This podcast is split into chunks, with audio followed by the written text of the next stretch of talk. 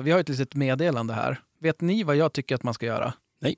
Nej. Jag tycker att eh, om, om man gillar podden och lyssnar och tycker så här, fasen, de, de där är ju, de må ju vara dum i huvudet, men det går ju ändå att lyssna på dem. Mm. så, så kan man faktiskt gå in och stötta podden på Patreon. Mm. Eh, sök på Älgjägare emellan på Patreon. Då kan man gå in och stötta podden med, med antingen har vi sagt, eh, det är kanske är dumt att ta upp alkohol i det här. Säg bara enhet. Ja, vi ska inte prata, vi ska inte prata öl utan vi pratar enheter. Mm. Ja, då kan vi säga nu. Ja, det är sant. Man kan sponsra podden med antingen en eh, krogöl som är runt 60 spänn Mm. eller två Systembolagets öl Mm. som är runt 30 spänn. Yes. Ja, det skulle betyda jättemycket för oss. Det skulle vi verkligen uppskatta. Och eh, om man inte gör det så kan man fortsätta lyssna precis som man gör och då får man ju höra lite, lite reklammeddelanden för våra sponsorer. Mm. De får man ju tyvärr inte höra om man blir medlem i vårt jaktlag och sponsrar. Nej. Men, men det får man väl kanske leva utan. Eller lyssna två gånger, sen en, en gång vanlig så får man få höra alla bra erbjudanden. Exakt, exakt. Så att, eh, gör gärna det. Vi säger tack för att ni lyssnar, vare sig ni är med i jaktlaget eller inte. Älgjägare emellan presenteras av Pondus, Tracker och Fritid och Vildmark.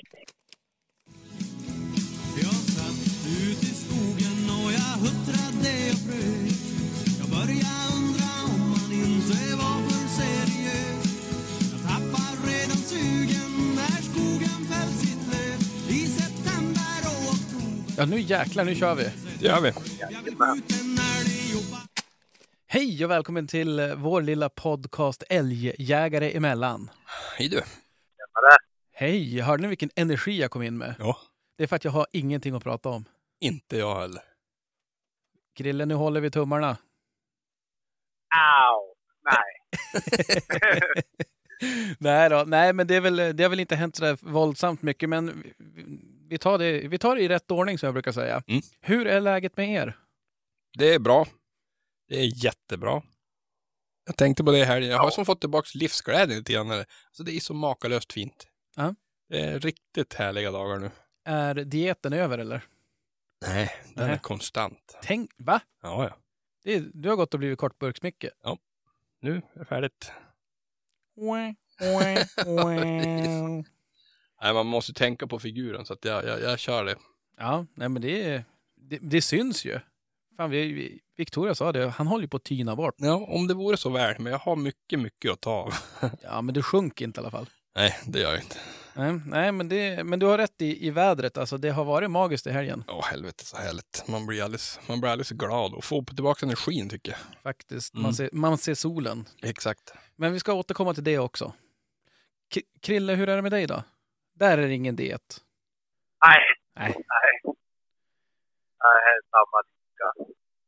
Eh, Nej, men det var en superhärlig helg. Det var ju... Då var jag huggit ved och farsan var kört åt det. Och, Ja, mixtra på. Man Mm. blir ju som sagt glad av det ljus som är. Kör någon skoter och Ja. Ja. allmänt. Och gött. Och ven värmer ju flera gånger som bekant. Ja, Hur många gånger värmer ven? Jag för många gånger. och helst när jag ska inte... Jag behöver ju inte själv heller. Så då, då, då slipper jag ju en värme. Ja, ja, ja. Men det värmer ju hjärtat att veta att någon annan, någon annan blir varm av den där precis. Det är nästan så att du blir lite sentimental när du tänder en brasa bara hej då veden, det är sista gången du värmer mig. Ja. Ja. Han värmde mest ändå när man brorsel och huggan. Så jag tror... Så varm blir man aldrig framför kamin. Nej, nej, nej, det är möjligt. Men ni hade soligt och fint också antar jag. Ja, ja. Vet ni vad som också värmer? Det, jo. Ja, inte min påkörda kossa i alla fall jag kan ta reda på. Det var ju på eftersök. Det var var Jaha. Men, men vad då? Berätta. Nej, det var bara... Nej, det var en som kört på en ko. På våran jaktmark. Jag var väl där både som eftersöksjägare och markägare. Jaha. Var det sist kon? Ja, jag drog då i alla fall störst. Hej då. Ja, man mår inte superbra när man säger man kom dit. Alltså, herregud. Nej. Men Men hur, som Holger där sa också, att han, han, eh, ja men han var väl lite på våran nivå där vad vi tyckte om älgstammen. ja, jo, jo, men det är väl Det är väl de flesta. Mhm. Jo, men ändå att det börjar man bli utsäger man slentrian nästan, men att det känns ju så att alla är påverkade. Ja. Ja, ja. Ja, men märker ni stor skillnad ni om ni åker på, ett, på ett, en trafikeftersök nu eller för 15 år sedan? Va, vad tänkte du då? Jag menar att man så här, nu är man med, med sorg i hjärtat att jag har Mm. en till. Ja, nu är det mera nu då. Då har väl alltid varit onödigt. Det är ju alltid ett, ett missat jakttillfälle när man körde ihjäl någon. Ja. Men nu är det klart det känns där du och helst när det är sådana där fina djur. Mm. bortkastade. ja. Jag hade säkert några kalvar in i magen och alltihopa. Så det är ju det är inte bara en älg heller som Nej. Men det, har jag berättat det när, jag, när det var ju någon påkörningar på E4 för några år sedan? Veckans avsnitt av Älgjägare emellan presenteras i samarbete med Fritid Vildmark. Och eh, vi på Älgjägare emellan, vi pratar ju väldigt mycket jakt och, och framförallt älgjakt. Men nu tänkte vi passa på att slå ett slag för vinterfiske.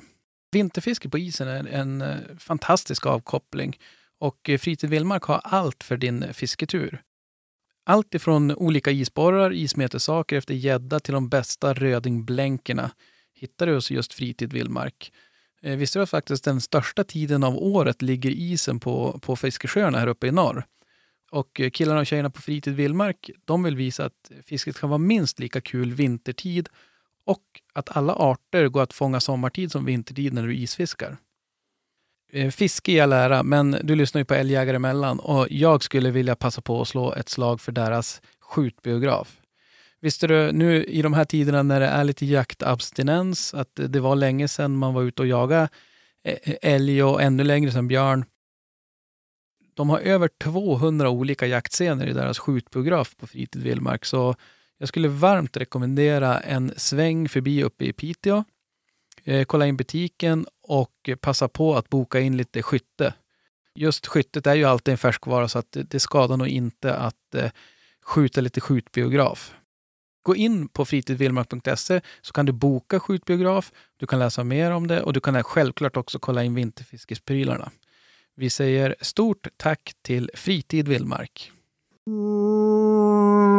Veckans avsnitt av Älgjägare emellan är sponsrade utav Tracker. Tracker är ett finskt företag, Tracker Oy, och det är den ledande utvecklaren, marknadsföraren och distributören av utrustning och programvara för hundspårning i Norden. Trackers smarta jaktverktyg som hund-GPS är utformade att möta behoven hos den passionerade jägaren. De kan användas för, all, för olika typer av jakt med eller utan hund och för spårning. Eh, de har två varumärken nu, toppmärkena Ultracom och Tracker. Tracker erbjuder hållbara GPS-halsband för dig som älskar att jaga med din jakthund. GPS-spårning är smidigt med Ultracoms halsband eller Tracker hund-GPS. Och med deras nya Tracker-app kan du använda alla Tracker, Ultracom och Bibak hundhalsband med samma applikation. Så att eh, vill du veta mer, gå in, eller för att hitta återförsäljare, gå in på tracker.fi. Vi säger stort tack Tracker. Veckans avsnitt av Älgjägare emellan presenteras i samarbete med pondusfoder.com. Vi brukar ju prata om eh, hur, hur bra och hur nöjda vi är med pondusfoder. Och eh, egentligen det bästa kvittot på det, det ser ju vi varje dag på våra hundar och vilken fysisk form och, och hur de är i päls, allt från päls till hull och allting. Eh, det är svårt för er att, att se kanske.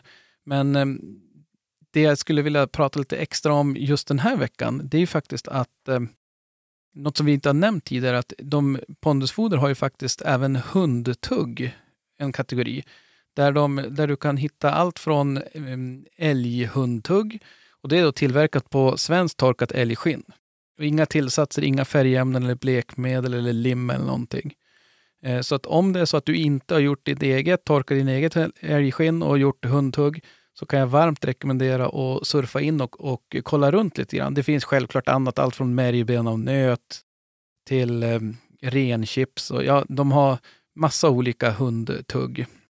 Så gå in och kolla på, på pondusfoder.com för hundtugg och passa på också att kolla in deras foder. Där hittar du också närmsta återförsäljare och eh, även om du är, eh, kanske går med i Pondusfamiljen om du är uppfödare. Så vi säger stort tack till Pondusfoder. Den här årstiden, kanske något senare. Ja. Och jag tog hem den där älgen och så ska jag ju ta ur den och så var det två foster igen. Alltså det var två mini-älgar. Ja. Fan vad äckligt det såg ut. Alldeles vit var de.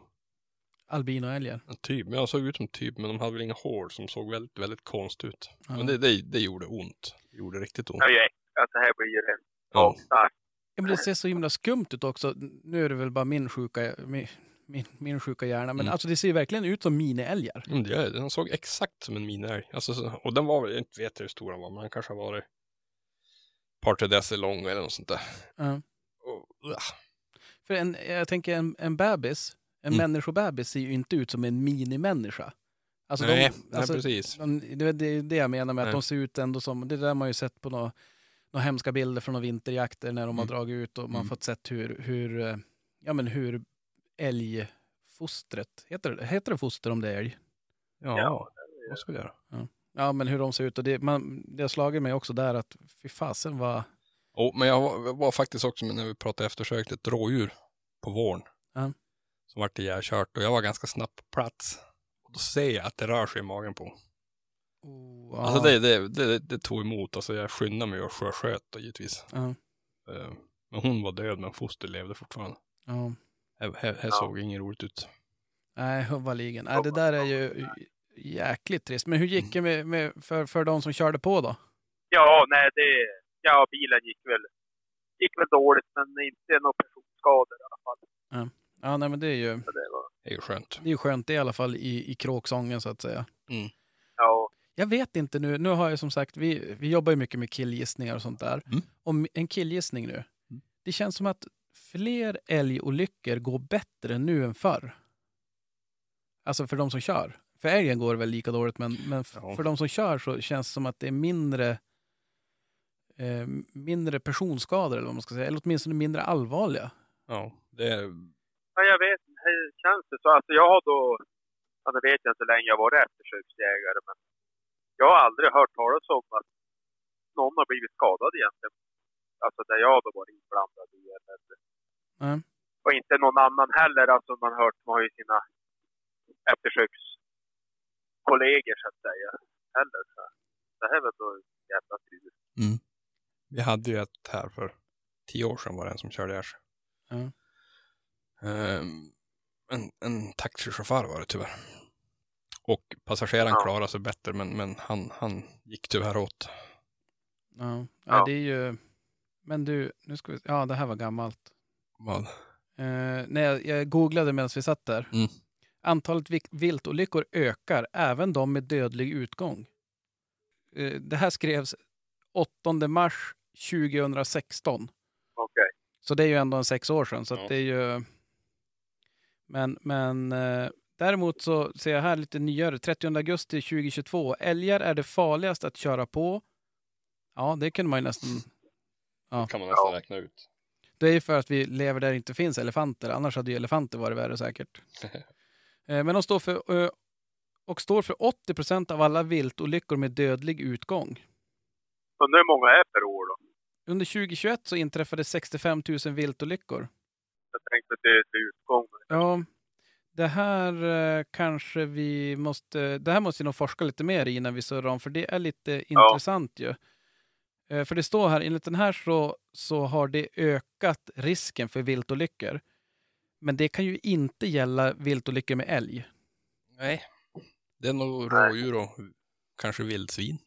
Ja, det, det känns som det. Mm. Men, men ja. ja, men här hittar jag ju Västerbotten. Rådjur 728. Älg 365. Mm. En om dagen ändå. Ja. Men Västerbotten stod. Ja, kronhjort 7. Åh fan. Ja, det är ju Björn då? noll. Eh, Gotland. Rådjur 923 stycken. Örn en. Du vet, då han. Då kör man fort. ja, det måste han göra. Eh, dovhjort en. Så där stod ju rådjur för, för ganska, stor, Ja. ganska stor del. Ja. Ja, nej, men det, där, det där har vi faktiskt ett, ett framtida av, avsnitt där vi kan surra lite, lite viltolyckor. Precis. Vad var det jag tänkte? Så att, ja, det var ju trist att du fick lov att hämta en, en eh, påkörd kossa. Ja. Det är inget kul. Nej. Och sen måste jag säga då Daniel, när du säger, nu satt jag och lyssnade på Holger och, och du surrade där. Sen Ja. säger han att, ja då ska jag upp till Västerbotten. Ja men vars ska han vara? Du måste ju fråga, vars i helvete ska du någonstans? jo, men det är ju ungefär som när man frågar någon, så jag ska ut och plocka svamp i helgen.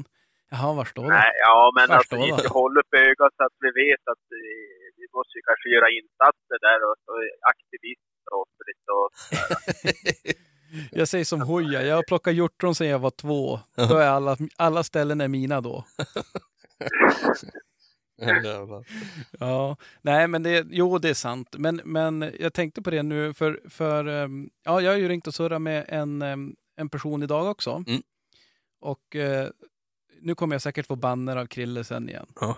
Men jag frågar ju vad, ve- vad, vars hundar kommer ifrån. Ja. Och han som, ja, eh, gamhund hade minns han. Jag, jag, bara, jag måste kolla i papperna då typ. Ja. Jag bara, jo men jag vet hur det är. Alltså jag är likadan. men jag vet ju hur Krille är. Ja. Ja men han måste ju, man måste ju se vart.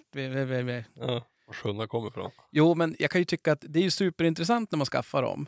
Men när man har haft dem i tio år, då spelar det ingen roll. Och så kommer man nog inte ihåg heller. Nej. Det är, Ja men är de nog bra då kommer man ihåg det. Jo, jo, jo, Det är jo det är sant. Det är, är det inget att skriva hem om, ja men då, Då får det vara. ja. Ja, det är sant. Men vi surrade där om att veden värmde. Vet ni vad som mer värmer? Ja, vad var det? Nej. Jag har en Yamaha Venture.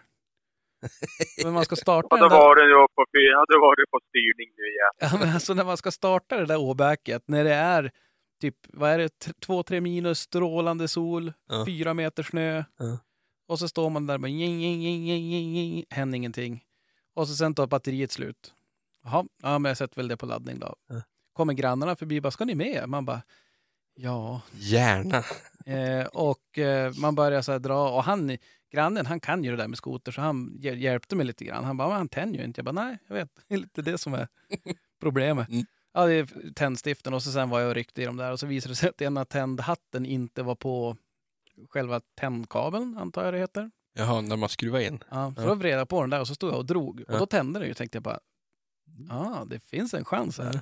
Och jag drog, och jag drog och tog med jackan och det vart varmt och jag stod och drog och till slut så gav jag upp. Nu, nu kör vi bil så nära vi kan så går vi. Men du, de där ska ju vara odödliga. Ja, Vad har hänt? det säger väl mer om mig än om skotern egentligen. Äh, du måste ha jävla otur. Ja, men har man otur, det är som omvänd Ingemar Stenmark. Ju sämre jag är, desto mer otur har jag. Ja. Jag, jag tror bara, alltså för lyssnarnas skull ska vi ha, kan vi inte göra så att alla går ihop, alla som lyssnar på det här, vi går ihop och skrammer till Till en ny tändhatt, till nya tändstift. Ja, ja. Ja, nej att vi men, på en gång för, för alla får få eh, till det så att du tar det ut på en korvgrill. Alltså, hej. Jo, jag tänkte det. Tänk dig hur mycket tid över man skulle ha om man helt plötsligt skulle ha grejer. Alltså det är ju samma sak. Är det inte skotern på vintern så är det ju gräsklipparen på sommaren.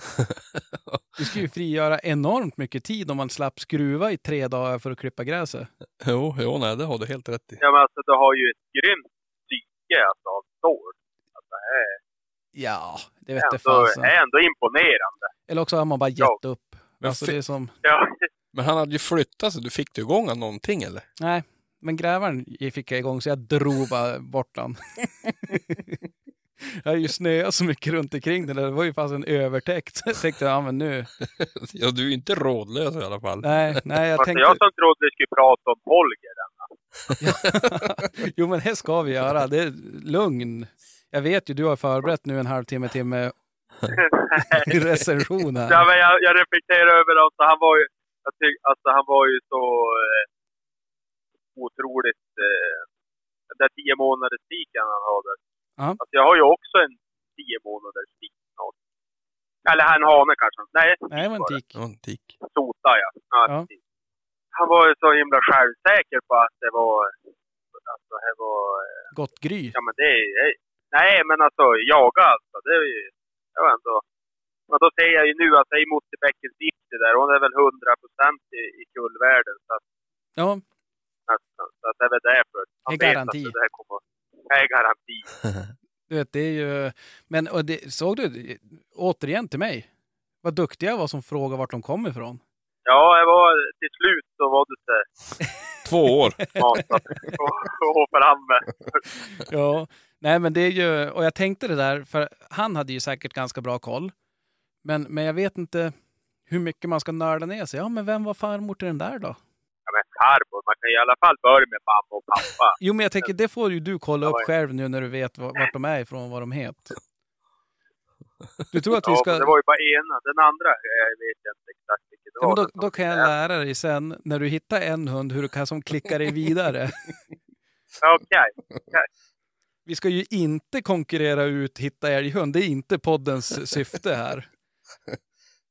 Fast, fast det ska vi göra. Ett sommaravsnitt. När, när Krille bara sitter och rabblar hundar. Ja. Så, ja men det påminner ju om... eh. Men däremot en fråga till dig som jag tänkte på när jag surrade med Holger. Kan inte du redogöra? Det var två Hälleforsare som startade SM tror jag.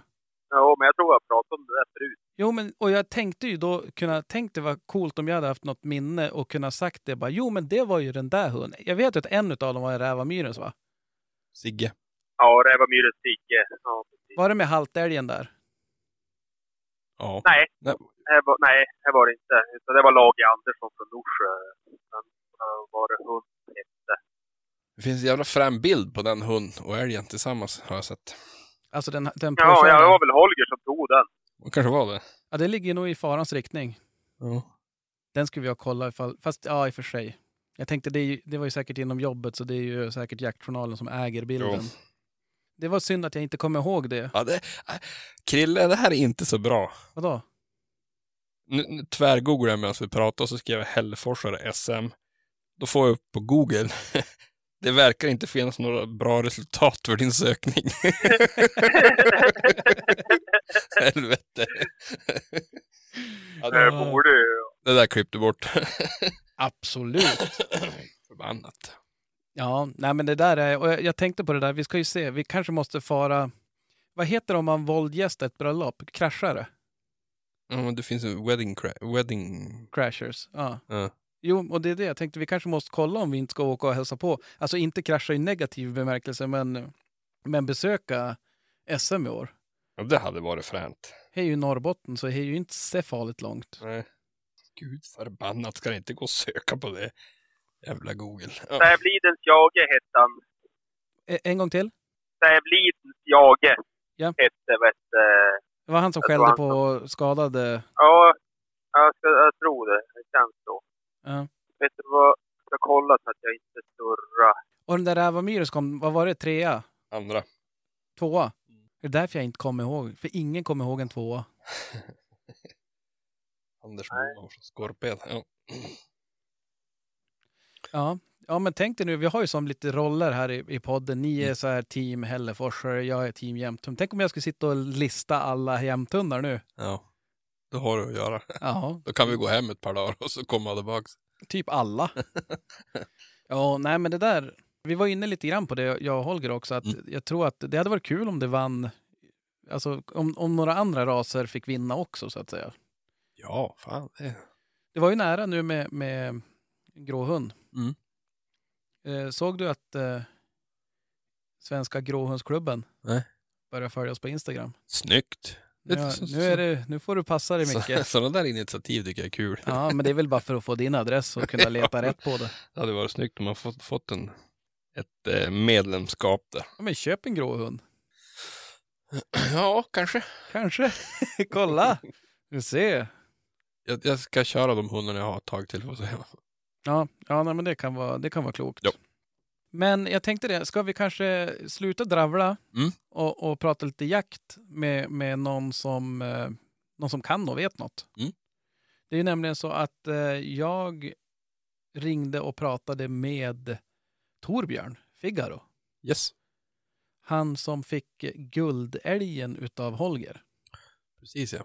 Eh, Så att eh, vi gör som så att vi surrar, vi surrar, vi, vi lyssnar Mm. på vårt surr och sen återkommer vi. Do it.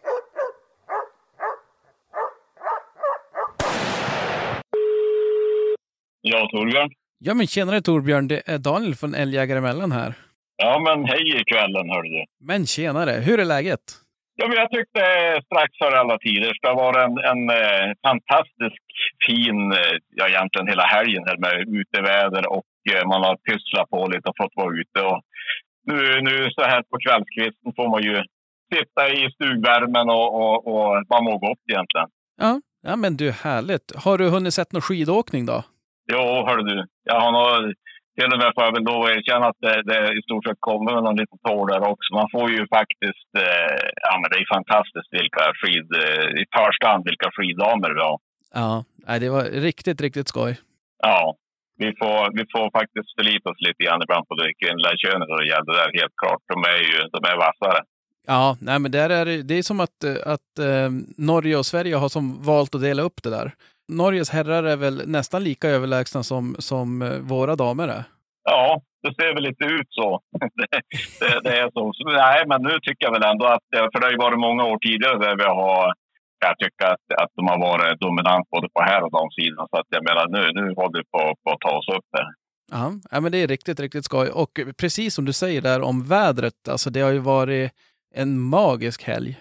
Ja, jag tror generellt, eller Fresh generellt, men det, den vi har pratat med så att säga, åtminstone de här norra delarna av, av landet har väl haft eh, eh, helt magiskt. Ja.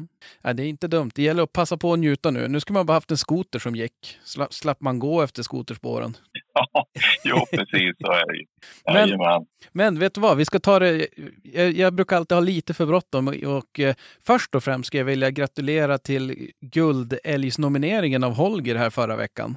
Ja, men det var en jätterolig grej. Alltså, det, är ju, det är ju så att, att eh, ja, först jag fick, jag fick en gratulation eh, om det där och jag tänkte, vad fasen, eh, för jag hade ju liksom lagt ut det tidigare i höst. Här. Det, det, det var så att jag jagar ju på både inland och kust, men, men här ute på, på kustområdet som ligger mellan kan man säga, Hörnefors och Nordmaling då, i Västerbotten så är det väl inte så vanligt att vi får de här riktigt, riktigt stor dumpälgar om man säger. Då. Men eh, det var ju faktiskt en, en som, som fick skjuta en då, som visade sig... Jag var ganska kaxig där. Det, det stod om det där i Jack Flan tror jag bland annat. Men jag, jag sa ju att han, han skulle ta ena pungkulan på mig om det inte var guld. Och lite eh, orolig kanske jag var ett tag, men jag var ganska säker. Jag jobbade, jobbade länge som konservator. Så eh, det visade sig att han, han mäta in på 312 i alla fall. Och, och då jag fick det där grattis till guldälgen, då, då tänkte jag fan, ja, men tänkte det, det, det var ju inte jag som sköt den. Och då fick jag ju tillbaka att nej, det var inte det det handlade om, utan det var ju det här. Och det är ju ja, jätteroligt att uppmärksammas lite grann, det, det engagemang och det man hållit på med och allting sådant. Ja, nej men absolut. Och det är ju precis som jag sa till Holger där, att det är väldigt, väldigt välförtjänt. Och jag tänkte vi ska gå in på engagemanget och det som, ja men, det som ligger till grund vad, vad, jag, vad jag tror just att du fick den. Men innan vi gör det så tänkte jag den här klassiska att du får presentera dig för, för de som inte har koll på vem du är.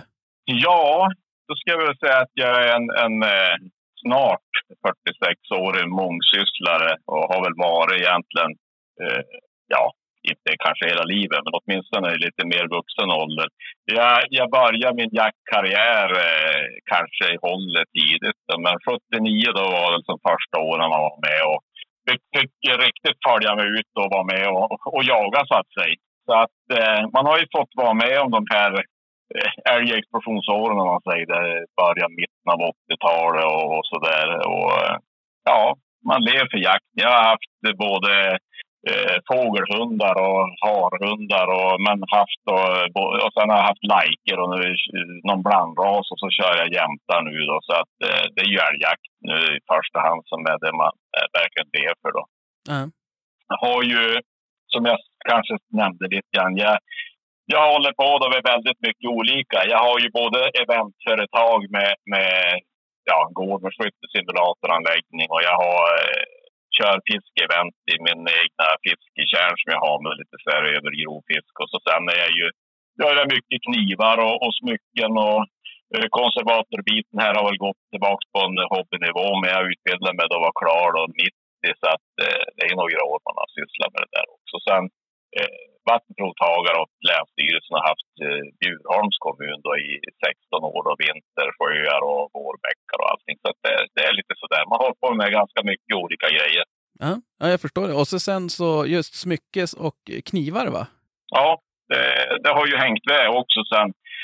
Jag minns så jäkla väl, vet du, det bara på 80-talet man, man fick följa ut och jaga. Och det, då, då drällde ni av, av fällhorn. Jag menar, jag, jag, jag hade ju eh, bössan i ena hand då gick ju oftast barn och, och stor fällhorn i andra handen och, och eh, slog Santa våra knivar och satt i pannrummet i föräldrars, eh, mina föräldrars källare och liksom började på att göra knivar. Och har, har, sen efter det har jag ju haft några, hade några knivkurser åt både ABF och, och vuxenskolan och sen har man, det har som alltid hängt med det kreativa. Då. Mm. Ja men du, härligt. Jag såg du hade, hade fått hem nå, eller beställt några nå ämnen här för några knivar som såg, ja det såg ju ut att kunna bli något riktigt läckert. Ja, det är lite fränt det där. Det är ju, det är ju så, de hittar ju, de hittar ju då sporadiskt då såna här eh, permafrost där det tinar upp nu så kan det komma fram då mammut, eh, mammutbetar då. Och även tänder.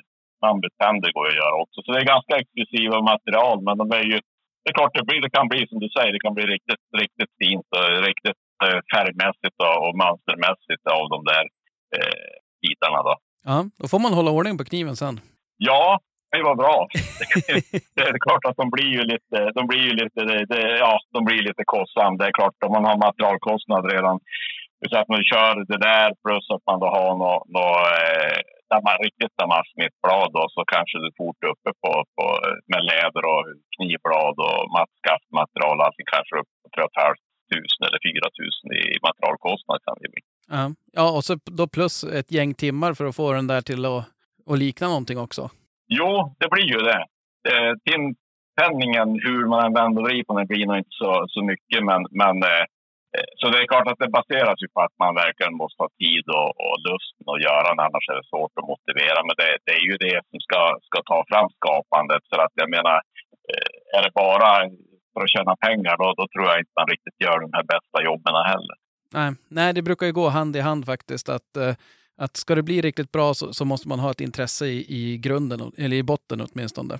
Ja, helt givet. Helt givet är det ju så. Nej, men det, det, det är skoj faktiskt. Det är jätteskoj. Ja, eh, vi, vi tar väl och river av den andra standardfrågan direkt också med, kommer du ihåg din, den första älgen du fällde?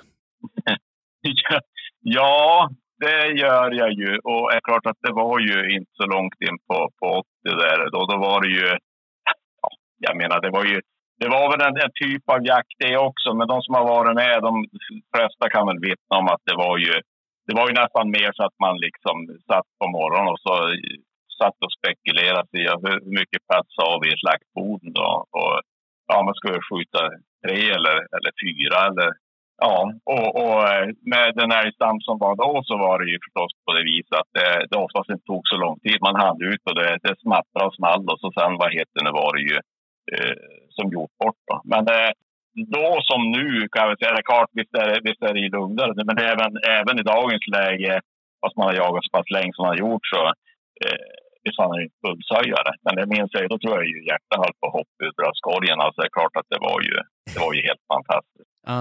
Hur, hur gick det till? Nej, men det var ju, det var ju så då. Vi, du vet på den tiden då, då hade vi de här spaghetti kommunikationsradioapparaterna. Som, du, du hörde ju mer på italienska surfare än du hörde vad som sades i älgskogen. Och jag minns jag satt där och var ju tilldelad ett pass och, och ja, jag hörde en massa sånt där. Det är obegripligt. Och så sen var det ju någon som, som ropade, och i alla fall hörde jag mitt namn. Eh, och, och, någon som trodde att eh, jag, en hund var på väg åt mitt håll. Och jag vred ju ner radion då och fick ju faktiskt höra en, en hund som, som skällde då lite, lite glest. Men, men eh, ja, och det närmar sig ju så, så smått på det så att eh, och, och det var ju så att ja, jag fokuserade lite för mycket på, på just uh, hundskallarna där egentligen. Att jag trodde ju, var ju så helt övertygad då att älgen skulle ligga precis framom hund. Mm. Så att jag tror att han, han fara förbi. Ja, jag såg då en rejäl tjur som for förbi eh, och plus två djur till eh, som jag liksom hade redan passerat med och for in i riset. Då. Eh, men som ja, tur då var för min del då så då, då eh, kommer en sextaggare då som, som faktiskt låg i närheten av hund också. Så att där fick jag ju ja, ett jättebra skottläge och bredsida. Och uppskattningsvis 50, 40, 50 meter och inte allt gick ändå allt för fort. Så det, det gick bra. Och, men det tog nog ganska många minuter efter skott innan man var i stånd och, och rapportera på radion om jag säger så. det var lite där på rösten eller? Ja, det var nog så att man hade man hade nog inte tittat åt rösten riktigt. Det tog ett tag innan man, innan man kom igen. Men, ja, ja, men det där. Alltså jag, jag, ska säga att jag tycker fortfarande det är så lite grann. Kanske inte riktigt lika mycket, men, men just efter man har, har, om man har fällt en älg, att man ska ropa in och rapportera, då hör man, man det är ju inte så att man är superstabil på rösten, utan det är ju ändå något slags påslag i kroppen som sker. Jo, jo, och jag tror samtidigt är det lite så oavsett hur länge och hur mycket man har, vad, vad som nu är, så tappar man det där då vet jag inte. tror jag nästan man skulle, skulle ge upp det med jakten. Ja. Jag menar, det är ju ändå en, en, en, en, en, en av delarna i jakten, hela momentet också med spänningen och eh, ja, allting då. Ja, nej men så är det. Och då hade du inga älghundar utan då hade du några andra, andra jakthundar eller? Ja, precis. Första åren då hade vi nog inga hundar alls egentligen. Utan då, då fick jag som följa med och, och, och, och göra en, och sitta på pass. Men, men sen var det väl egentligen så att första hunden jag skaffade, det var ju min far då. Han, han eh, skaffade då eh, Ilands Setter. Ja. Och då var det ju, för det var ju samma med fågelstammen som det var med, med älgen där också bland på 80-talet. Det var ju det var ju helt sjukt. Alltså, jag jagar ju då mest uppe kring Åsele och det. Och, och, jag menade, vi gick där och skulle liksom eh, jaga fågel. Hund behövde ju inte ha något direkt sök. Så, han kutade lite sporadiskt hit och dit. Och, och här flög ju fågeln hela tiden. Och där gick vi 200-300 meter och inte flög fågel. Då, då tyckte man ju var halvdåligt. så att, eh, Ja, nej, det var nog första. Men sen ganska snabbt så, så skaffade jag ju. Jag tyckte det var jävligt spännande. Så jag skaffade. Och det här går ju många år tillbaka. Jag undrar om det ska vara slutet på 80.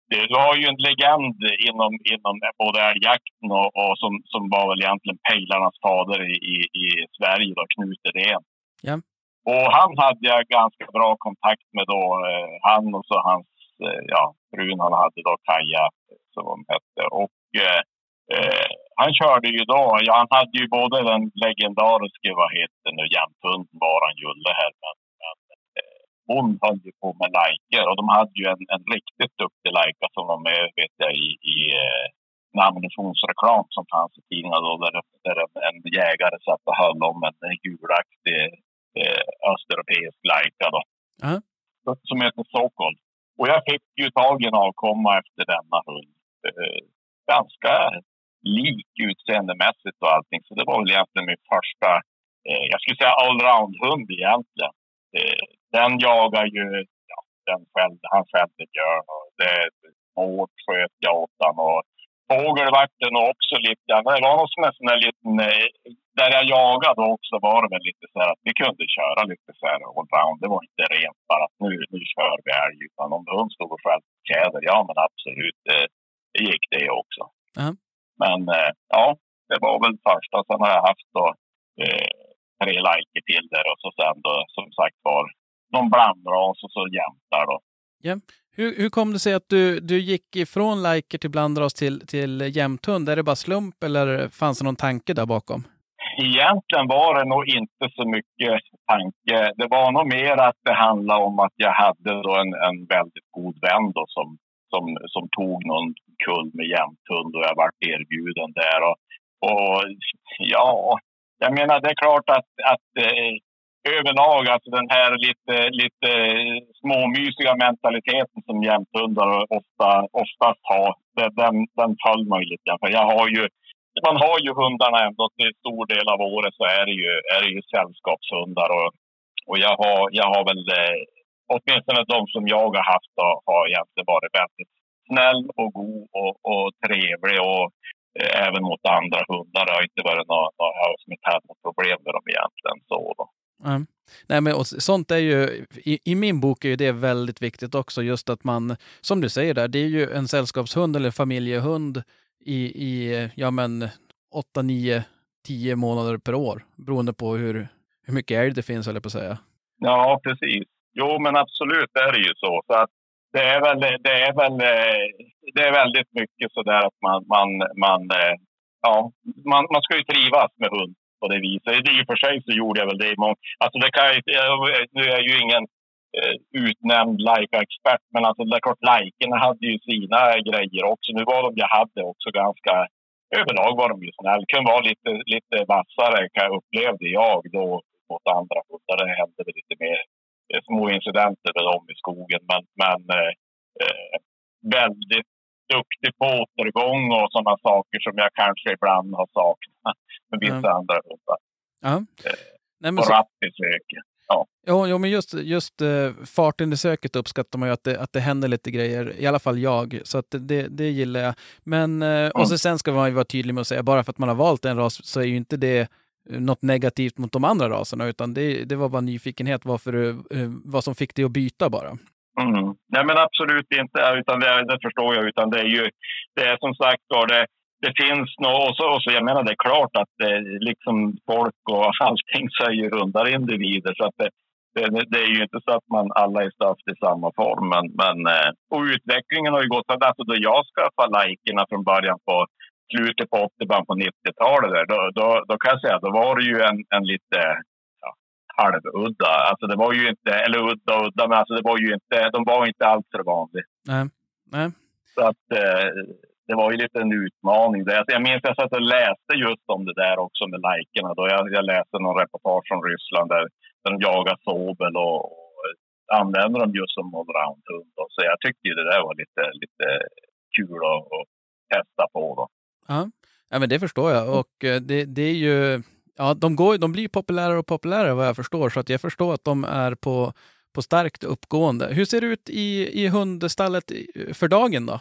Ja, för dagen så är det ju så att jag har ju två jämtar. En som är åtta år och en som är fyra år. Då, så att, eh, eh, ja, och de har ju... De, har ju ja, de, de funkar. De funkar bra faktiskt, det gör de.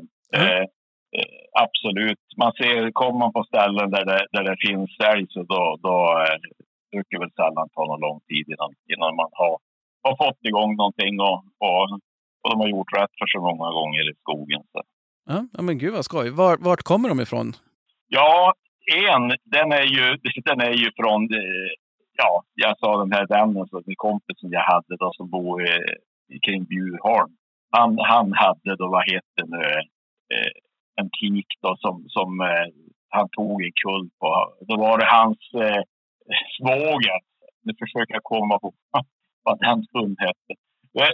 Riktigt duktigt, fungerande, bra hundar. Men som sagt var, eh, det är nästan som man skulle suttit med stamtavlan då för att ha, ha alla namn framför sig. Jag är ingen sådär som, som läser in med hundratusen på det där. Utan jag, jag har ju som mest bara, jag kör med hundarna. Jag, jag jagar med dem. Och jag, jag, klart jag tittar på stamtavlan från början och ser vad det är för någonting. Men eh, det är den äldre. Och så sen den yngre, det är ju, det är ju vad heter det? Ja, han heter Solögat Cesar. Ja. Tyvärr hade vi en, en, en person som jag skrev rätt mycket med som var väldigt, väldigt intresserad i det här med hundar och hade ju själv en jätteduktig tik. Då.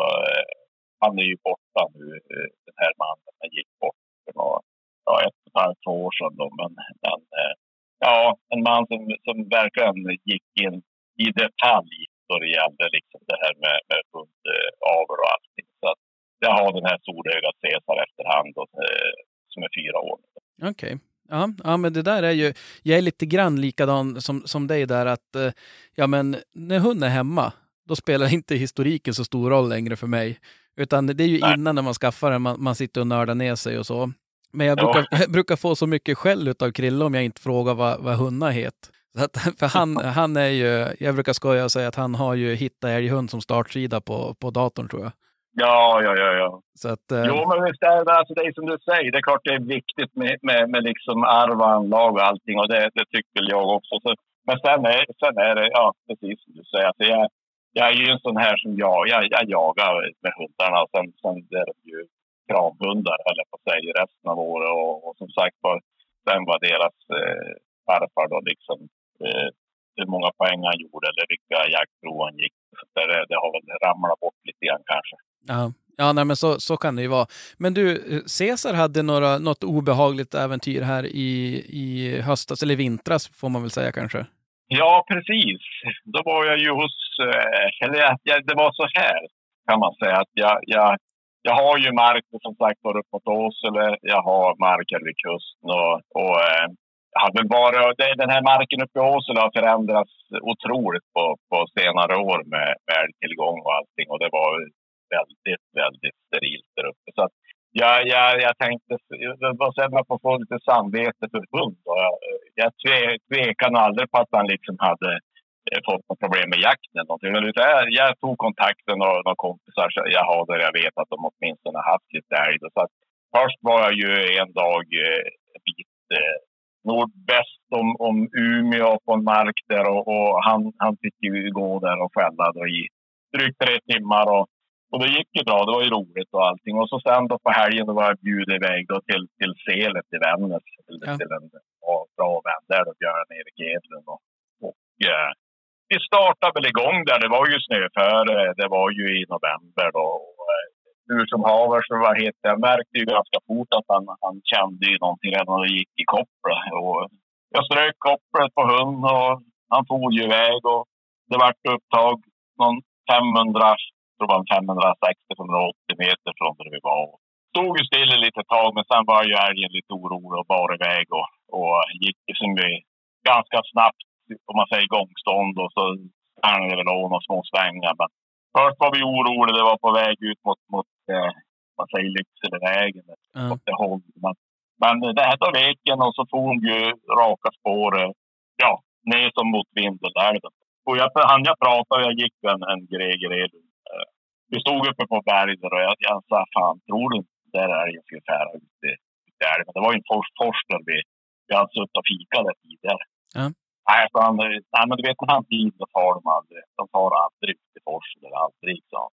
Så vi skulle se han gå ner och så sen följa han älven nedströms och så sen, vad heter det, han sa vi står bra där vi står här. Ja. Och det hörde jag ju på radion när han pratade med andra. Så de funderade, var är ju någonstans? Ja, men vi är ju där på den ja, knappen då, vad då hette riktigt. Ja, men då står ju bra till. Du vet, det ska ni se älgen kom dit. Ja. Och så då, eh, ja, ner mot älven, som jag säger, vinkla klockrent ner efter älven. Så jag tänkte, jo, jo, det, det blir ju så. Sen är ju nästa grej att, att eh, Cesar här, han, han, ja, han har ju för över några små bäckar och sånt där. eh, Fyra, fem meter breda. Han har aldrig för ut den här. Han har ju aldrig för ut en älv heller. Vi har ju Öreälven där jag bor bredvid här på marken. Och Ja. Det har alltid varit stopp där vid strandkanten.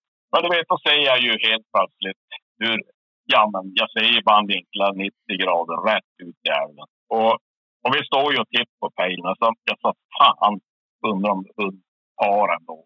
Ja men säg en grej, eller han säger. Och så är det ju. Jag har ju. Ja. pejl och det är klart det kan visa lite sådär. Det kan ju se ut ibland som de är ute i vattnet. Men om du då, ja men, ändrar förstoringen lite då, då, Jo, då Då hopp, hoppar han tillbaks. Ja. då hoppade han tillbaka lite. Ja, men jag gjorde ju det i någon form av desperation. Jag tänkte, fan, det kan ju inte vara möjligt. Jo, men då, då ja, ja, ja. Han, han kom ju närmare land och det gjorde ju faktiskt. Jag tänkte, ja men kanske ändå. Men du vet, då nästa uppdatering, då var han fan mitt ute i älven. Oh. Och, och jag menar, då eh, var det ju, alltså det är ju en ordentlig forster. Och eh, nästa uppdatering igen, då har han ju vinklat 90 grader rakt längst ner och for ju och drev ut, utöver. Ja. Då, alltså, då, då, då, då kan jag säga, vi pratar om det med hjärta och hopp ur, ur eh, bröstkorgen och jag kan säga då, då ta mig fan tror jag ju att det var. Så då var man sex kilometer ifrån hunden och Ja. Ja, ja, ja det, man kutar ju allt vad benen höll till bilen och, och in i bilen och ropade ju på radion och det var någon som var i närheten som kunde, kunde oss, få lite uppdatering och se hund. Och. Eh, jag tror aldrig en annan marocken, ja, han har gått, du vet han har kunnat ställa upp i någon, någon form av backtävling, omvänd backtävling, för det gick ut för men det gick ut av helvete gjorde. Ja. Och eh, parkerade bilen, kutade ju ner allt vad man hade och, och, och titt på pej, titt. Och du vet, då, då, då, då visar ju noll. Då rör sig ju ingenting. Så jag vet, jag tänkte att satan, nu har han ju före under en isflak eller någonting och fast. Ja. Och då man då till slut kom ner Och så ser man, då förbanne mig inte uppe på isflaket. Och så är det ju som en, ett, det är ju som en stor isfok om man säger. Och så hade ju som en rännel innanför då mellan, eller in mot land om man säger, mot där man var själv som Ja. backen. Och det var ju fullsprutt på vattnet där. Och det är ju ett mysterium hur, hur, eh, hur han rådde att ta sig upp på, på isen där. Eh, Hanhundar spe- speciellt brukar ju ha stora problem. Ja, jo. Men jag måste tro han fick en... Alltså det var ju så pass skjuts på den vattnet så jag måste tro det kommer någon jävla svallvåg och mer eller mindre tryckt upp den då han hade, hamnade där i kanten. Ja, för han hade varit i, han hade varit i, det var inte att ett isflak gick loss från, med han på från kanten alltså? Nej, nej. Nej. Han hade ju, du vet, han hade ju driftat närmare 100 meter med fors. Oh, jäklar, ja. Ja, så att... Eh, det var ju... Det var ju ja. Och då är det ju tur, vet du. Ja, jag, hade klart man, man skulle bara ut och det var ju mörkfläckar och det vet du. Och då hade jag ju både Greger och, och, och Björn-Erik där och, och de, ja men fan vänt, fan det är lugnt. Och, men du vet, man skulle bara ut i hund. Och, Ja, men eh, jag stillade mig väl lite grann och så då hittade jag några törpinnbitar de kastade utåt. Men så sen kom jag på att jag hade gjort en sån här liten ramp. Jag har ju en sån här eh, hundbox på bilen och, Ja. Och då hade jag gjort både en aluminiumstega och kapat den i två delar och så vad heter det, eh, ja, satt en skiva på undersidan. Så jag har som en, en om man säger tuppstega då. Ja. Alltså du har ju som en med, stegpinnar och så har du skiva på undersidan så att den inte gli. Men eh, kom på att jag hade den i bilen så de for och hämtade den och så skjutsade ut jag. Så jag tog mig ut på en själv och så sen skjutsade jag ut en då som över det för att jag kan liksom eh, kunde på något vis komma åt eh, eller komma åt hunden. Han ville inte komma från början. Jag fick ju som gå ut och möta honom halvvägs. Men, men Ja. men det gick, det gick ju vägen. Men alltså det var ju, det var ju helt ja, ja men alltså det, det är ju helt, det där är ju sk- skräcken höll jag på att säga när man jagar med, med isar och likadant faktiskt om de vi jagar ju, eller jag jagar ju ganska mycket kring E4 och där är det ju viltstängsel, men tar de sig ut där, jag känner igen så väl det där med pejlen, att man bara, ah, men, nej men han studsar nog mot, mot viltstängslet. Men nej, utan det är mitt på E4 och det, det är också så här, då är det bara en tidsfråga. Men eh, vad, vad tur att du hade med dig någon, för det där tror jag kan vara lite, lite farligt just, ja men den här känslan man får, man ska bara dit. För det första, bilturen dit kanske man inte är helt, eh, vad ska man säga, det är inte helt riskfritt efter de där skogsvägarna då kanske. Nej, nej, absolut inte. Och det ut är på en är- is, alltså det är ju, Mm. det där, trillar man i där, det är ju inte så att det är 20 24-gradigt vatten direkt. Nej, nej, det är ju inte det. Utan, men det är klart man är, det är, klart man är affektion, så är det ju. Jag menar, det är ju, folk får ju tycka eh, vad man vill och allting, men du vet att det är ju ta mig fan som det är barnen som, är, som sitter ute på isen. Alltså det blir ju lite så. Då är det ju familjemedlem. Ja, ja nej men det är absolut. mm. Och jag tror att just den, den alla, alla som har hundar känner nog igen sig i, alltså de får nog de här kalla kårarna när du berättar det där. Och eh, det är ju det där, det där blir ju som ett, vad ska man säga, det, det är det där som ingen kan förstå när det gäller varg, hur vi kan resonera som vi gör, vi som har hundar. Att det är så här, ja, Ja. men just den här, ja men rädslan att det ska hända någonting. Ja, men precis som du säger där, för att det, det är klart att det är ju också en sån där grej. Jag, jag var helt nu, eh, Man har ju tänkt tanken. Alltså om man skulle höra sin egen hund bara i, i någon form av ångestskrik och, och liksom Ja. ja, men komma fram och hitta sin hund som, som man ser med de här bilderna. Liksom det, det, är ju det är ju så ofattbart grymt så att det, liksom, det finns ju. Ja. Nej, Det, det är ju, ja, huvaligen. ja verkligen. Nej, men finns det roligare, roligare saker i skogen än det där kan man ju säga. Ja, absolut. Men, men jag tänkte det, sen när du, när du fick tag på Cesar, då, då var det bara in, in i bilen, försöka få, få upp värme på han och, och hem och bädda ner han, eller vad, vad, vad gör man sen? Nej, vet du, jag gjorde inte det ändå. Utan eh, in i bilen, som du säger, fick ju värme på hund och såg att det gick igenom och såg att han verkar bete sig helt normalt och inga konstigheter och, och allting sådär. Eh, och då, då bestämde jag ändå, jag sa det att ja, men jag tror att vi, vi far på, på och liksom starta om. Ja. Och, sen, och det gjorde jag ville kolla liksom om det här har tagit på hund så pass att, att det liksom var något problem eller att det skulle bli något men. Och då, jag, jag men, så man resonerar lite med folk. Och jag men, har du blivit kastad av hästen men upp i sadeln igen. Ja. Istället för att liksom låta det där gro in sig i huvudet på det. Och, och, eh, däremot så var jag jävligt noga med att sätta ut eh, alla passkyttar ner mot, mot, mot Ja. älven där. Då. Jag, jag sa nu, vi sätter allting vi har där så att vi kan liksom, och så var man ju superberedd på. Och det, jag menar, det var ju så jävla skönt liksom. Han for iväg och jag tror inom tio minuter hade han upp en ny älg. Ja, ja men det är ju... Det, det vart ju perfekt då.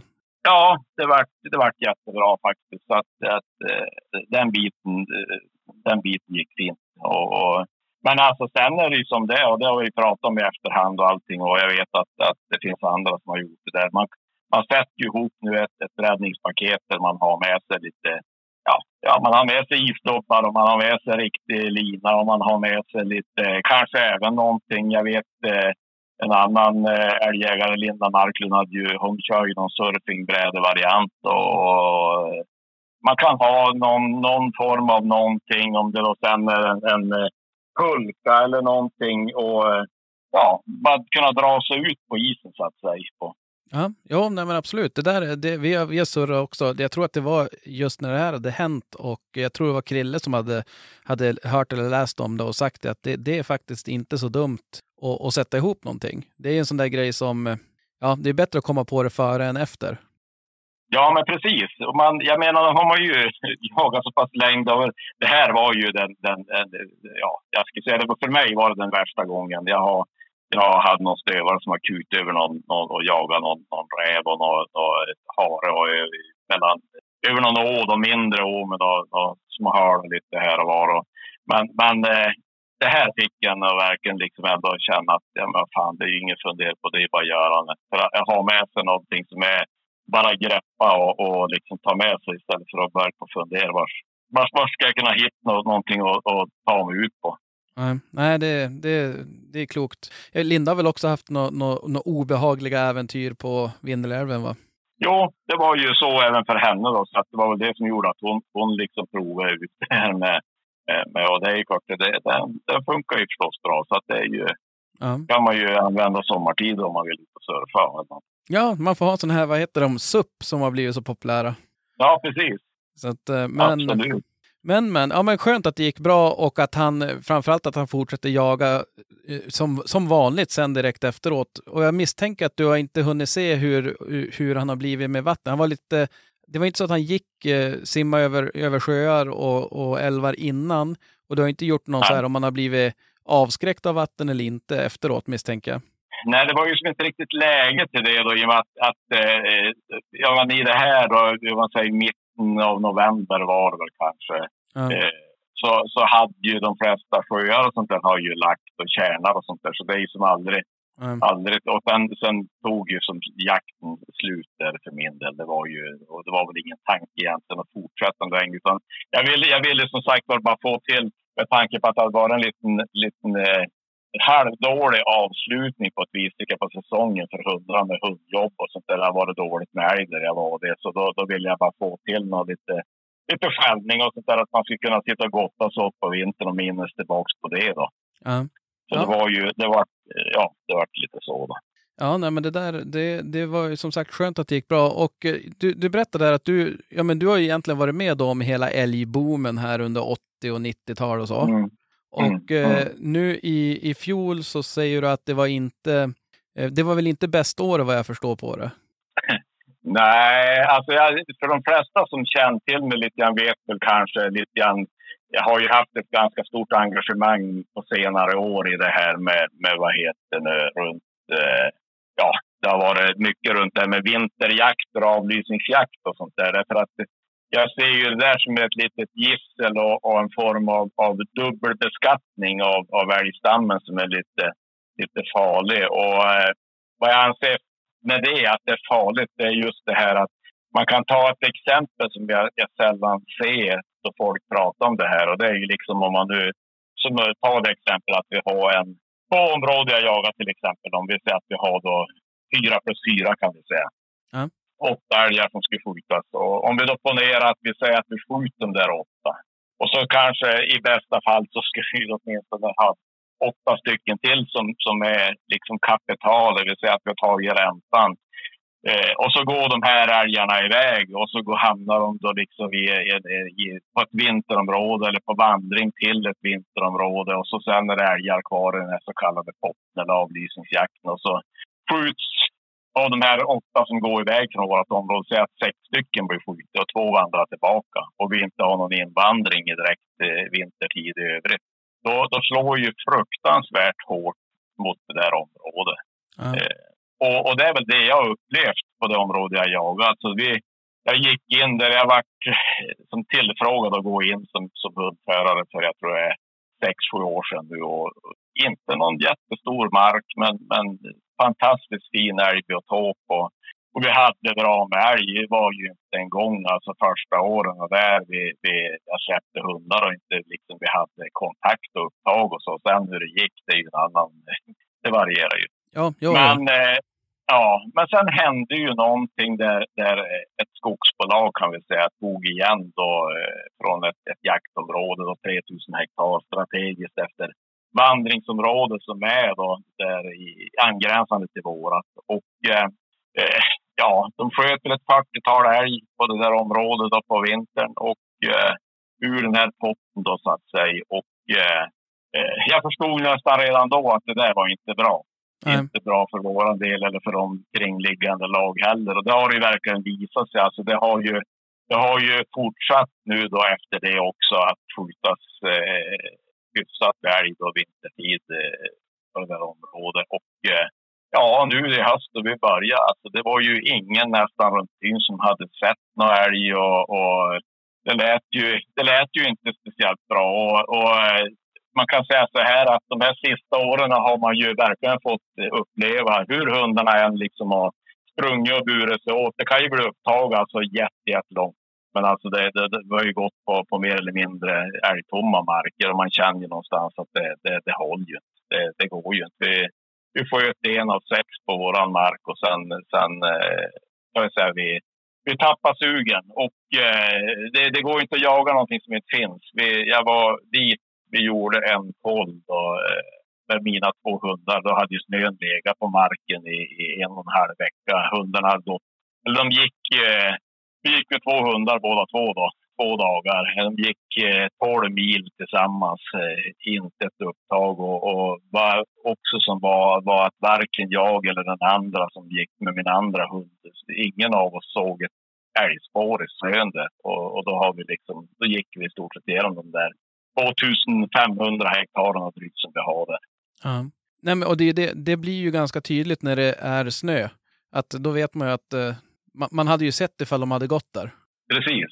Jo, men det är ju det. Du, jag, jag, det som jag säger, eh, jag, jag, så pass mycket känner jag väl mina hundar så det skulle vara jättekonstigt, speciellt om båda liksom helt plötsligt har slutat eh, fungera eller det liksom något sånt där. Men grejen är ju det att det här har ju varit nu liksom, ja, alla instämda jaktlag runt omkring oss har ju ens i närheten skjutit fullt heller.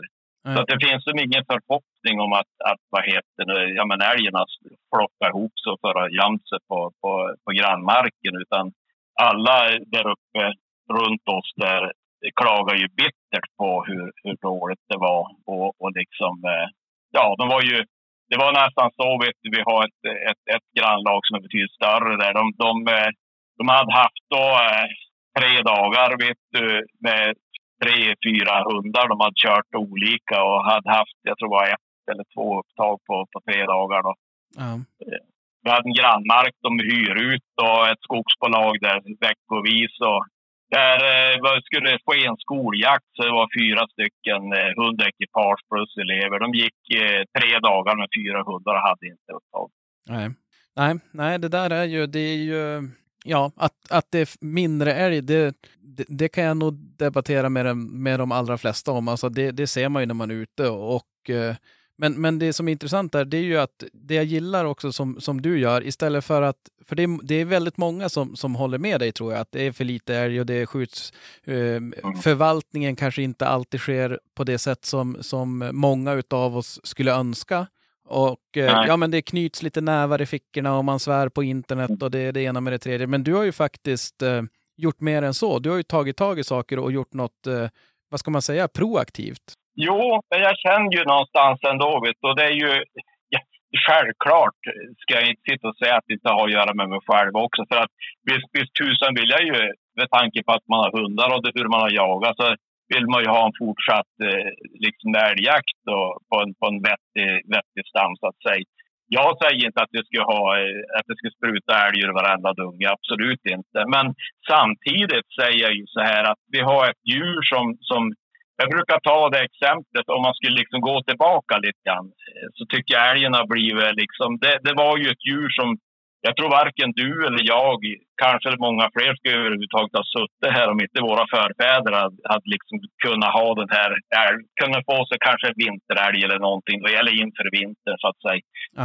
Eh, Ett, ett djur som egentligen, jag menar, har ju varit en nationalsymbol kan jag säga för det här landet kan jag tycka i, i, i många år ut och sett om man, man tittar och allting. Och, och sen har det liksom drivits mer och mer till att det nästan, ja men det är som en skadeinsekt eh, fläckvis. Det är som någonting som bara skulle till varje pris tas med. Och, och jag menar, jag har ju, man pratar om det här med, med som man lärde sig själv tycker jag och försökt att väl så gott det då går och, och hålla liksom med etik och moral och, och jakten ska ske för, på, på, på, för att undvika att liksom på något sätt liksom eh, ja, men stressa eller, eller ja, men så lindrigt som möjligt om man säger.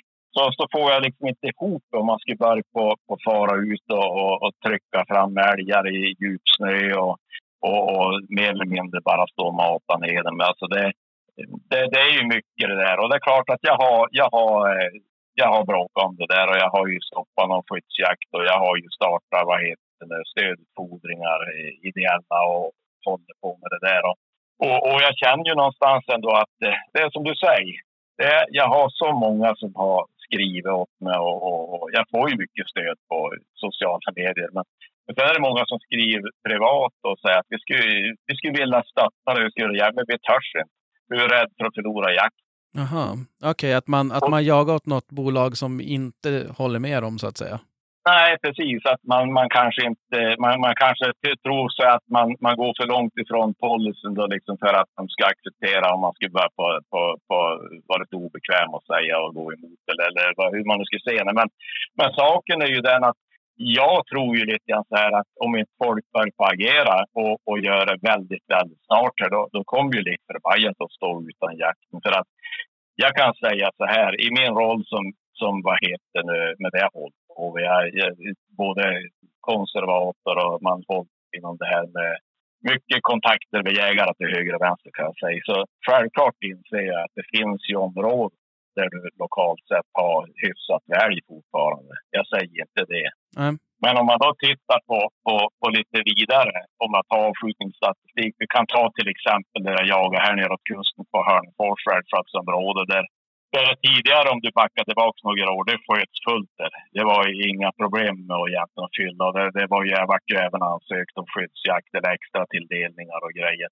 Nu är det 41 procent oskjutet efter januari. Det Ja. Eh, Och ett område där uppåt Åsele där jag jagar, det är så där tror jag var 38 procent kvar på. Och det är inte så att ni har blivit sämre på att jaga bara?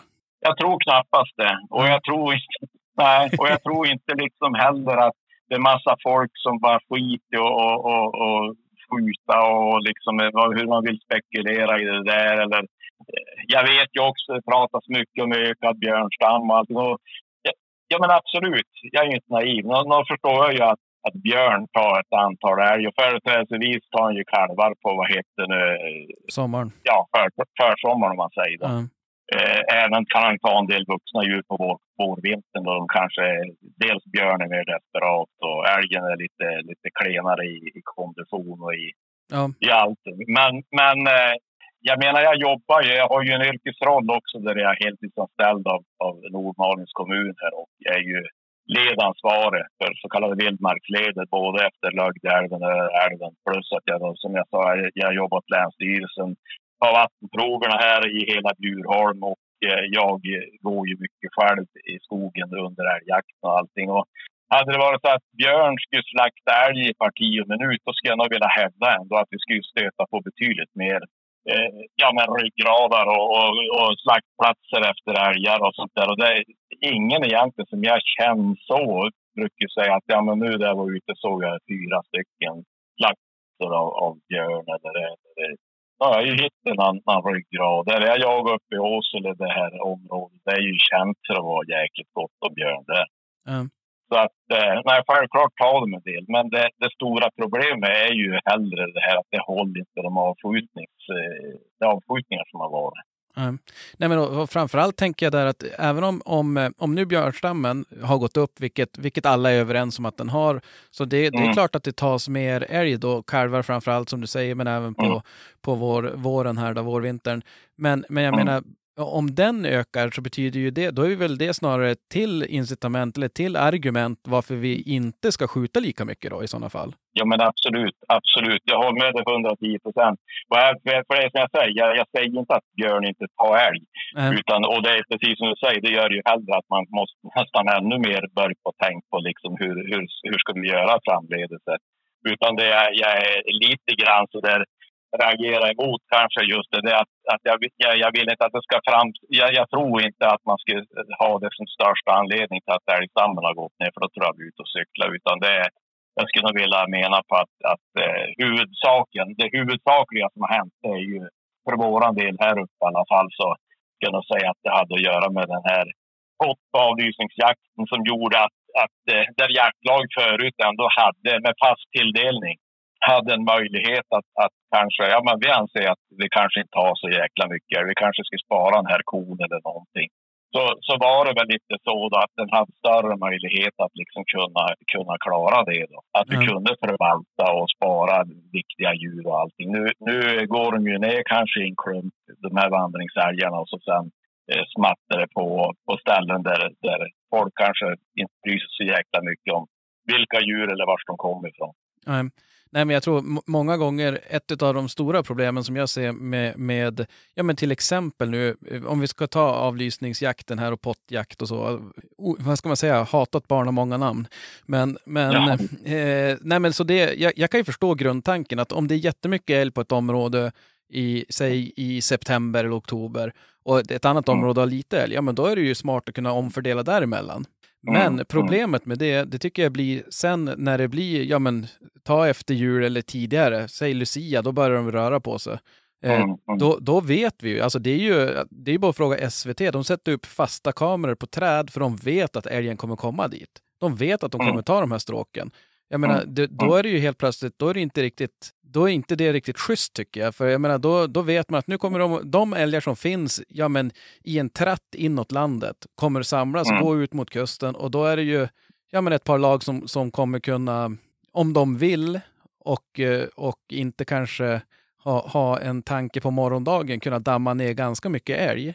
Mm. Som, som då, och jag tror inte det är det som, alltså det är väl inte, eller, eller också var det det som var tanken med, med pott och avlysningsjakt här, att man skulle kunna på så vis ja, ja, alltså hetsa på, för det första att man kan hetsa lag mot Mm. varann. Ja. Om inte vi skjuter den här så skjuter ju någon annan den. Det är väl lika bra att vi skjuter den. Och det tankesättet tror jag tyvärr är ganska vanligt. Ja. Jo, men jag, jag tror absolut att det var lite grann så det här, det här kommer fram. Därför att jag tror att, eh, om jag säger så, jag tror att det kanske störde vissa, ja, men om man säger nu då större, speciellt på större skogsbolag då, att eh, det är på områden där det inte eh, sköts nog mycket älg så att säga, så, så var ju det här ändå ett, ett, ett medel för att liksom Jag vet ju, och jag tror du har också säkert jagat så länge så att om du går tillbaka före den här avlysningsjakten, då var det ganska många lag som, som kanske resonerade så här att nej men, vi börjar inte i september utan vi väntar efter, ja men då kanske väntar till efter brunsten i oktober för det var ju bättre förhållanden och liksom både för hundar och, och för att ta hand om kött och, Ja. och sånt där. Men, men eh, i dagens läge, då vi säger att det kommer den här avlysningsjakten och, och liksom, den börjar ju på ett vis. Och sen har ju det där gått över så att det, men, nu har du områden som har avlysningsjakt från dag ett. Ja. Och vissa det från dag ett på just älgkor och kalvar. Och, och det här har ju, och jag menar om vi backar tillbaka också lite grann så var det ju så att nu, vi fick ju jakt hela, hela januari. Och förut var det ju jakt på älgkalv bara under januari. Sen var det ju helt plötsligt helt okej att skjuta vad som helst. Så Ja. att det har ju, det har ju snaran runt älgen har ju dragits åt mer och mer och även jägarna. Och jag vet att många säger så här att Ja, man ska inte skylla på, på skogsbolagen, man ska inte skylla på det. Det är vi jägare som, som krökfingrar. Ja, vad är en jägare då? Jag menar, en, en, en bössa är en jägare, ja det kanske är det. Och, och, och det är klart att oavsett så är det ju någon som, som har förhoppningsvis en licens som står där och krökt det där fingret. Men, men, men ja, jägare vet jag inte riktigt heller. Det beror på vad man lägger in i det. För, att, för mig är ju en jägare någon som, som vill förvalta ändå. Man skördar ju någonting ur skogen förstås, men man vill ju inte att det ska ta slut. Och, och, och inte ha någonting att lämna över till, till den efterkommande generationen heller. Utan, utan man gör det med ett ansvar och en form av, av känsla för det man håller på med. Ja, ja, men också framförallt jakt för mig i alla fall. Det är ju inte att man... Eh, alltså det ska vara något... Jag vet i, USA pratar de mycket om fair chase. Att det ska vara en... en eh, Mm. vad, vad ska man säga? Schyssta förutsättningar. Eller jag vet inte hur man ska Mm. över, översätta det riktigt. Men att, man, att, att djuren ska ha en, eh, en, en rimlig chans att faktiskt Ja, klara sig. ja. Mm. Eh, och är det en och en halv meter snö och det är uppskottat och plogat någon väg eller så, det, ja, jag vet inte. Det, Nej. Nej, alltså för mig så slår ju slint. Det, det gör ju det. Jag förstår ju exakt vad du menar. Och, och jag menar det... det nej, utan för jag har, jag, det, så är det absolut. Jag, jag, har, jag har inget problem alls att skjuta, skjuta älg alltså under, under rimliga förhållanden och, och på ett vettigt vis och förhoppningsvis som gör att, att vi, vi kan liksom jaga år efter år på, på en vettig älgstam. Sen är det ju som det är. Då. Jag har ju tänkt så mycket runt omkring det här. Jag tänkte på, jag skulle vilja eh, sträcka ut halsen och säga så här att jag har dragit till ibland. Om vi säger att det- på mitten av 80, hade vi 10 eller hade vi 15 gånger mer älg än vad vi har nu? För alltså det, det, där jag går på de områden jag går på, det, det är ju en, en sån djävulsk skillnad. Så jag skulle nog säga att det var... Jag skulle vilja, jag skulle vilja dra till om vi säger att det var 10 gånger mer älg ja. Sen om det, och sen om det är exakt det, det, det finns, har jag ju med vetenskapliga belägg för. Men, men det jag funderar över det är ju att med den älgstam som var då så, så eh, tycker jag ju det är jättekonstigt att det överhuvudtaget eh, finns en, en, en tallskog i 40-45 års ålder i dagens läge som viker någonting. Ja. Men, bevis, men bevisligen gör det ju det. Och det är klart, då måste man ju börja på att tänka lite grann. Vad är det som har gjort det som skillnad då? Det är klart att det har ju ställts om skogsbruket på ett sätt som är lite grann så, så ju kanske betat sig själv i Europa. Ja. De har ju skapat ett problem. Och det är en sak. Det andra jag tänkt på där jag går och jagar, eller där jag går nu. Jag, jag menar, jag är ute och, och skrävlar och provar och leta slöjdmaterial och kut på vårvintern och så där. Och, eh, I Nordmarks kommun, där jag nu bor, har vi ju otroligt stark stam av kron. Ja. Och där funderar jag ju lite, lite hur, hur, man, hur man resonerar. För jag hör ju ingenting där om, om kron egentligen och, och, och hur den då liksom. Det är som att älgen ska ju klä skott för allting. Den får klä skott för ett snöbrott och den får klä skott för det andra hjortdjur kan jag säga, tycker jag gör många gånger. För jag har ju själv då varit ute och filmat. Vet du, man pratar om att, att kronan ges egentligen i första hand bara på gran. Och jag har ju tallplanteringar som jag har bara filmat i där det finns inte en älgklöv, men de är fullständigt havererade alltså med, med randbarkningar och, och, och även att de har tagit skotten och allting på, Ja. på, på. Men eh, på den mark jag jagar på här nere också så tror jag, jag ska nog säga att i dagsläget då går det då definitivt eh, om en räck. Så det hade räckt om jag skulle säga gå 10 kronor per älg. Utan vi hade ju vi hade som bara räknade. Vi har, vi hade, hade en som har haft problem nu i vinter här inne i byn. Där. De räknade närmare 50 stycken in, runt gården där som Ja. var och, och en töbala. Ja, nej men absolut. Och det där, jag, jag har också tänkt tanken på, undrar vad, vad som ska sägas från, ja, men från vissa parter när älgen är utrotad. Vad är det då? Mm. Alltså, och ändå får man att man ska skjuta mer älg, men det finns ju ingen. Ja, men jo, betesskadorna säger att de är, ja, de har Mm. bara blivit osynliga. Ja, Så att, Jo, eh, jo men det kommer några exempel som gör att man, man, man sitter ju bara och hick när man hör det. Som någon, någon forskare som menar på att älgen har blivit mer full i fan och lärt sig att gömma sig bättre och allting. Eh, då, du vet, då blir man ju lite som man tänkte. Vad, vad, hur, hur långt är man beredd att gå? Ja, jo men också sen att eh, det var ju, det, det har ju kommit ganska mycket, eller mycket, men, men jag har då läst många, många artiklar om, det kanske av samma forskning då, men där de säger att, eh, att eh, betesskador och älgstam inte har någon, någon eh, relation på så vis. Alltså att det, även fast älgen har gått Mm. med så har, har betesskador ökat och att det är in, svaret på betesskador är inte att skjuta fler älg. Nej. Men ändå är det som, ja, ändå är det som, ja men vet du vad, då kör vi en, vi, vad tror ni, vinterjakt, gud vad kul, nu kör vi. Ja, men hubba, hubba.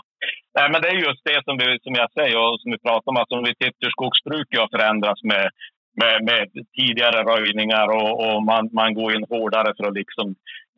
Det blir, rena, det blir de här sterila, man säger, mer rena tallodlingarna så att säga. Och, och, och det där har jag ju funderat mycket på. Jag, jag kan ju förundras lite grann över hur det kan avsättas tusentals, tusentals hektar. Det, det är till skalbaggar och det är till eh, olika lavar och trädsvampar och vet fan allting. Men det går inte att tänka sig att avsätta eh, att staten då, om vi säger så, då skulle köpa in av något bolag av de här, efter de här vandringslederna där älgen har gått i eh, hundratals år så går det inte att avsätta några hundratals hektar eller någonting där de kan få... Jag menar, att det som händer med, ett tall som blir hårt betad, den får ju nödskott och blir ännu mer attraktiv nästa år. Ja, jag har ju sett det där väldigt mycket då jag har gått efter älvarna och det är de här områdena där de har varit. I dagens läge ser man inte i närheten så mycket bet, färska betskador som man gjorde för, för eh, om jag bara backar tillbaks ja, sju, åtta, sju, jag säger sju, tio år. Då. ja, Så jag ser, ju, jag ser ju där också, det kan inte bara vara. Jag går ju ändå, de här lederna jag sköter om, det är ju för 12,7 mil. Så att det är ju inte på en fläck jag är och går. Då går jag ju alltså efter Nögdälven då som, som går upp eh, mot Fredrika och jag går ju, alltså, eller om man säger då, jag, jag stannar ju vid Bjurholmsgränsen där, jag går ju på Nordmalings sida. Men, men eh, den och så då hör älven likadant. Och eh, eh, Nej, man ser då, de blir ju sådana risbuskar de här, vad heter det, där, har- där har skett under många år. Och, och jag kan absolut också tänka så här lite grann. Jag gick ju in och, och, och startade stödutfodring och starta stödutfodring det är sällan någonting som, som ger hundra resultat första året utan du får hålla på några år och sen successivt om du lyckas så blir det bättre och bättre och du får ju mer och mer älg då som stannar till på de här, vad heter det, utfodringsplatserna. Då.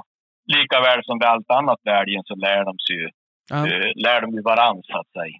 Men eh, det är ju definitivt ett, ett, ett tänkbart alternativ.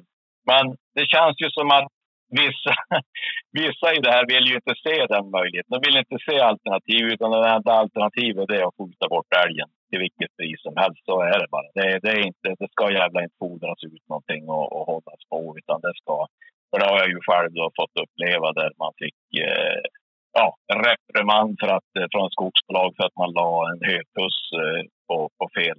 Utan att man hade frågat dem så att säga. Okej. För att försöka dra ut älg från, från deras plantering så la jag den alltså efter en, en plogad väg in i en plogkant. Men det kom ett hastigt svar till, till jaktledaren jag hade där att vi fick absolut inte göra det utan att ha tillåtelse till att göra. Nej, det där är ju, men, men annars överlag, just för utfodring är ju, jag tycker också att det, det är en spännande tanke, för jag brukar säga det att de här stora, de här stora skogsbolagen, kanske man, Mm. eh, där har jag lite, lite mindre sympatier. Alltså jag menar, jag var inne och kollade, de, de gör ju ändå miljardvinster alla. Så att det är ju inte så att det är ingen, det är inte jättenöd på dem på så vis. Men jag kan förstå en, en, ja, men en vanlig, en vanlig eh, mark, skogsägare, en liten skogsägare, privatperson eller Mm. vad man ska säga. Nu är de ju inte det, men och så planterar de och så kommer det dit en, en, en flock Mm. älgar och äter upp det där för dem. Jag förstår Mm. att det är inte så himla kul. Och att man Helt skulle klart, säkert eh, vara, ganska, vara ganska besviken och arg och förbannad att man, ja men det är massa pengar som förstörs. Ja, men absolut. Jag brukar precis... eh, jag vet inte om jag pratade med varandra förut, för det lät så nu. För alltså, grejen är det, jag brukar precis säga exakt samma sak. Jag kan absolut förstå den här privata skogsägaren som, som kanske har ja, vad han då har, man har 20 hektar eller han har någonting och så har han 5 hektar eh, eller mer med ungskog och så får han en liten grupp älgar som, som, som bryter och betar och har sig. Det fattar jag ju på en gång. Och, och jag säger att där är det ju det här liksom att man skulle ju, ja, jag tänkte på det, varför inte liksom försöka få igång en betesskadefond? Jag, jag tänker också så här, har ju tänkt den tanken själv, liksom att eh, om det lades på mitt eh, jaktkort eh, 50 eller 100 kronor extra. Kunde vara, till och med fått vara frivilligt för den som inte vill betala kring skita inne. Men att det fanns som en möjlighet att den där pengarna gick över till en, en form av betesskadefond där den här vad heter nu, utsatta markägaren kanske kunde ha sökt någon form av ersättning. Eller att man startade upp och eh, hade folk som, som, som kunde liksom på något vis få, få ersättning och, och starta igång en stödutfodring Ja, för att, för att lätta. Jag har ju varit med både med stödutfodring och jag har varit med att jag har gått in och, och tryckt älg också. De här tryckningarna är väl klart att, att eh, har de inget alternativ då, då, som, som gör att de, de liksom viker ifrån det där, då, då kommer de att gå tillbaka. ja, Men, men det finns ju, men, men det är just det här att man inte ens vill kanske gå in och titta på de här alternativen eller, eller liksom försöka ta till sig nu, utan det är, det är som jag säger, det är lite grann så att, att eh, ja, man, man istället, det, det, det är bara en, en lösning för, för vissa. Och, och jag menar det, det är fullt genomförbart. ja, Det finns ju jag med flera som har liksom hållit på med det här. Och jag vet vi pratade om det här Sela där jag var med, med Cesar. Och de har ju haft vissa år där de har ju hållit på med stödutfodring därefter Vindelälven i, i ja, 15 års tid. Och, och haft ända upp på 20-25 älg ibland då på vintern som har stått där och ätit Ja. rödbalarna. Då. Ja, nej men absolut. Jag tror också att det, det där är ju ett alternativ och eh, just det där med, med eh, ja men en fond tycker jag också är intressant att man ska kunna se och även kanske till och med att man en, en organisation skulle kunna gå in och, och köpa mark. För jag, för jag tänker nu lite grann, nu vet jag inte, nu är det bara min, min amatörhjärna som tänker här, men om, om SVT kan sätta upp kameror för att de vet vart älgarna kommer gå, så då är det ju inte någon Mm. jättehemlighet vart det blir de här stora hopningarna. Nej. Och, och sälj de markerna då. Sälj de eh, 100 hektaren och så sen få, få jägare bekosta, om de vill, att det planteras där. Alltså jag menar, man skulle ju kunna ha utfodring fast med plant. Mm. Att, Ja, men absolut. Jag menar, det är precis. Alltså, det är intressant det vi är inne på. För att det är ju det här som jag säger, jag håller på på, på, på att grubbla fram och tillbaka hit och dit. Och jag pratar med mycket folk, både älgforskare och folk som har hållit på med stödutfodring före det jag liksom med för att få lite tips och råd och allting. Och, och, och självklart är det ju så att man ska ju inte förlägga, alltså om man vill skydda sin egen mark om vi säger så ska du inte förlägga en stödutfodring alldeles för nära in i en, en, en ungtallplantering. Nej. Utan det gäller ju att fånga upp dem på vägen då de är på väg dit så att säga och gärna i anslutning till någon kanske lite äldre skog eller någon myr, med, med någon myr eller någonting. Det har jag gjort och, och, och du kommer ju få eh, barkskador även där kanske med och, och, och lite grann håll på om du får koncentrationer då på ett visst ställe får du det. Men, men alltså sätt ändå så att om vi säger att du då fodrar ut eh, 10-15 bal per, per år där och en hur många älgar vi nu har. Alltså det, det är klart, eh, det, det de mäter, eh, vissa har sagt att det, det skulle till och med kunna öka vad heter det, kvistbetning och sånt där. Men eh, det, jag, jag har inte sett det där och jag har inte den jag har pratat med heller. Jag pratade med folk uppe i Jämtland som håller på efter i, i, i anslutning till en gamskog efter en kraftledning där de hade inte heller märkt någon större utan älgen gick ut och åt och sen gick de in och la sig in i skogen där ö, över dagen och så kommer de ut igen. Då. Ja, ja nej, men det där det, det finns att göra. Jag tänkte bara, jag, jag såg någon, någon artikel där bara för någon dagar sedan här om att något, eh, de fick slänga skogsplantor för 100 miljoner eller vad det var. Ja, just det. För att det var, de hade väl svårt att få folk och, och jag vet inte om det var på grund av pandemin. Jag läste, jag såg bara det och tänkte, jaha, hoppas någon älg fick äta upp dem där då istället. Men, Ja. men, Och Men, eh, ja, men jag vet aldrig varför det var att de inte fick, att de fick, jag, kanske har något med, med, med covid och att de inte får arbetskraft eller ja, jag vet inte. Nå, något, eh, något bök var det ju, men, men man reagerar ju där att 100 miljoner, att de får slänga plant för det och så sen eh, ja, ska sista älgen skjutas för att, de, för att de äter någonting. Ja, nej, men precis. Jag menar, det, det, det, är ju, det, det slår ju slint någonstans. Jag menar, det är klart att, att vilket djur vi än pratar om så är det ju så. Självklart måste ju älgen kunna äta. De måste ju ha mat. Ja. Och, då, och då, då ser man ju, för det ser jag ju också mycket efter älvarna där jag går och, och jobbar. Alltså där, eh, de, de äter ju ganska mycket, eh, både ur, ur sälj och, och, och, eh, och jag menar speciellt, eh, och även al är de ju och kör ganska hårt och barka och, och grejer efter älven där jag går i alla fall. Ja. Så att eh, har de de här alternativen så, så är det nog inte alls lika, lika jäkligt. Men när du har nu de här vandringslederna som då leder rätt in i de här tallplanteringarna, det är klart att det, det, då blir det ju problem. Och som, som du säger, där kan jag tycka Ja, jag kan nog tycka att staten skulle kunna gå in där, eh, likadant som de gör, som jag säger, då, köp in och lös in en massor av, av tusentals hektar för, för, för att skydda liksom, eh, alla de här skalbaggar och allt vad det är. Så, så tycker jag det är märkligt att inte älgen skulle kunna få samma hjälp i så fall. Då. Ja, nej, det, det där är... Det, det är inte lätt att förstå sig på alla gånger. Det är ju, det är som, jag håller med som du sa där att det är lite grann, jag ser ju älgen lite grann som Sveriges nationaldjur på något sätt. Mm, mm. Eh, Men, men där är det olika. Jo. Vissa ser det som Jo. mygg, skadedjur eller på att säga. Ja. Jo, men det är lite grann ändå, och jag tror ändå överlag, alltså gemene man. Ja, men tänk, tänk det. Alltså om, om, om, om det blir så, alltså nu är vi ju inne i det här. Det var ju i ett, ja men eh, TV4 var ju ute och gjorde ett, ett reportage också. Då hade ju siffrorna precis kommit fram nu efter, alltså avskjutningssiffrorna och statistiken som gör att, att eh, den här, eh, och vad heter det om det var Daniel Lilén eller vem det var som, som uttalade sig, liksom att, att älgen kommer ju att hamna in i, in i alltså den här rödlistan som det ser ut nu då. Inte på högsta skyddsvärde alltså, men han, han kommer ju att hamna någonstans där mellan sårbar och starkt hotad. Ja. Och, och, och jag menar, det, det är ju det är ju för jävligt bara tänka sig att, att gått dithän. Ja. Ja, Och jag det- menar, det, är ju, det, är ingen, det är ju ingen fantasi. Det är ju ingenting som, som eh, man bara sitter nu liksom och men det kanske blir så eller inte. Men det, det, ser ju, det ser ju ut så efter de siffror som de har fått nu då. Ja, ja det, och det är ju, jag, jag kommer ofta tillbaks till det min dotter tyckte var så konstigt. Att när hon frågade mig vilket mitt favoritdjur var. Ja, men det är hund. Ja, Mm. men efter det, ja, men det är älg. Men varför skjuter du älgar? Ja, därför att jag, tycker, för, för att jag tycker om att att äta älg och jag tycker om att jaga älg. Men det betyder inte att jag, alltså det är ju det som är, de, de som bryr sig om älgen, det är ju vi som jagar. Ja, att, Jo, eh, alltså det, där, det är det där jag skulle vilja också att man separerar. För, för där, där man nu går in i någon form av, av diskussion kring det här och så skriver folk då bara rakt ja men det är vi jägare, det är vi jägare som krökringer och allting. Ja men det är klart, det gör vi väl till och ifrån var och en. Men, men alltså sen ska jag nog vilja mena på att det är väldigt liten klick de här som skulle vara beredd att att- att gå ut nu på sånt här, i djupsnön på ett sånt här område liksom och kanske med hjälp av någon form av skidåkare då, som, som vid de här snötunnlarna liksom tryck fram en, en grupp med fem, sex älgar och så skulle stå där bara och mata ner den.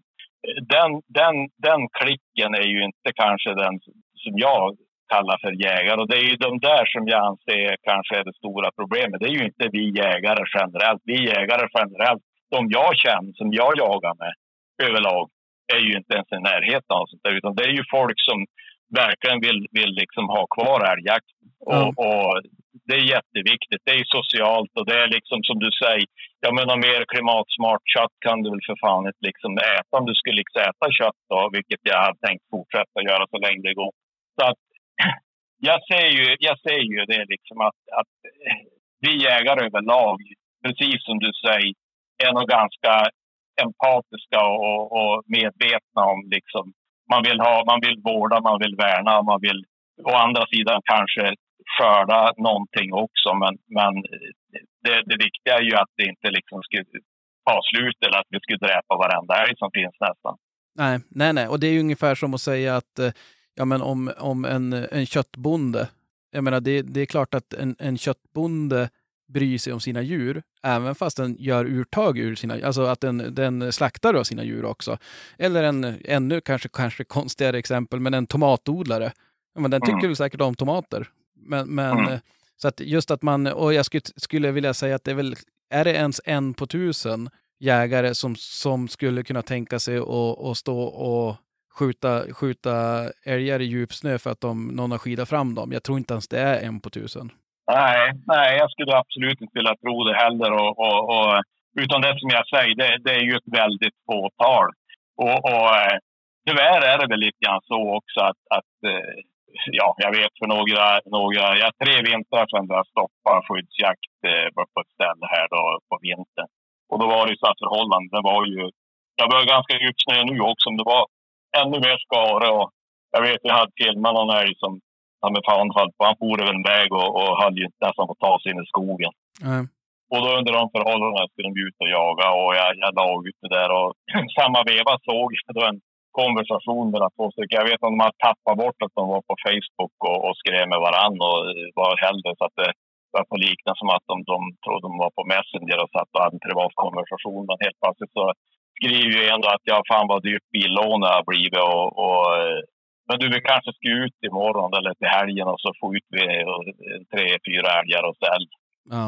Och, och det där fick jag ju nästan vända sig i magen på mig när jag liksom såg den här konversationen. Så, jag menar, det är klart att det finns folk, det ska man inte bortse ifrån. Tar du ut ja, fyra, fem gubbar till exempel och får ut 20 älgar eller någonting. Det, det, det finns ju inte den, den eh, varken släkten eller nämnesomsättningen så att du ska äta upp det köttet själv. Utan det, det är klart att det handlar om att liksom göra, sälja älgkött också och göra sig pengar på det. Och då har vi ju en helt annan aspekt än, än det vi kallar jakt också.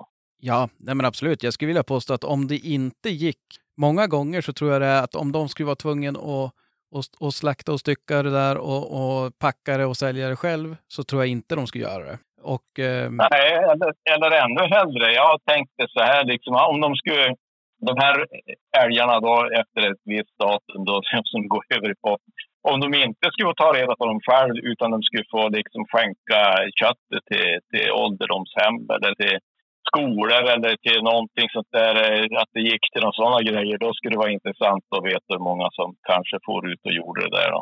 Ja, eller till den här viltfonden vi sätter upp. Ja, precis. Ja, men absolut. Jättebra. Jättebra där, där har vi det. Ja.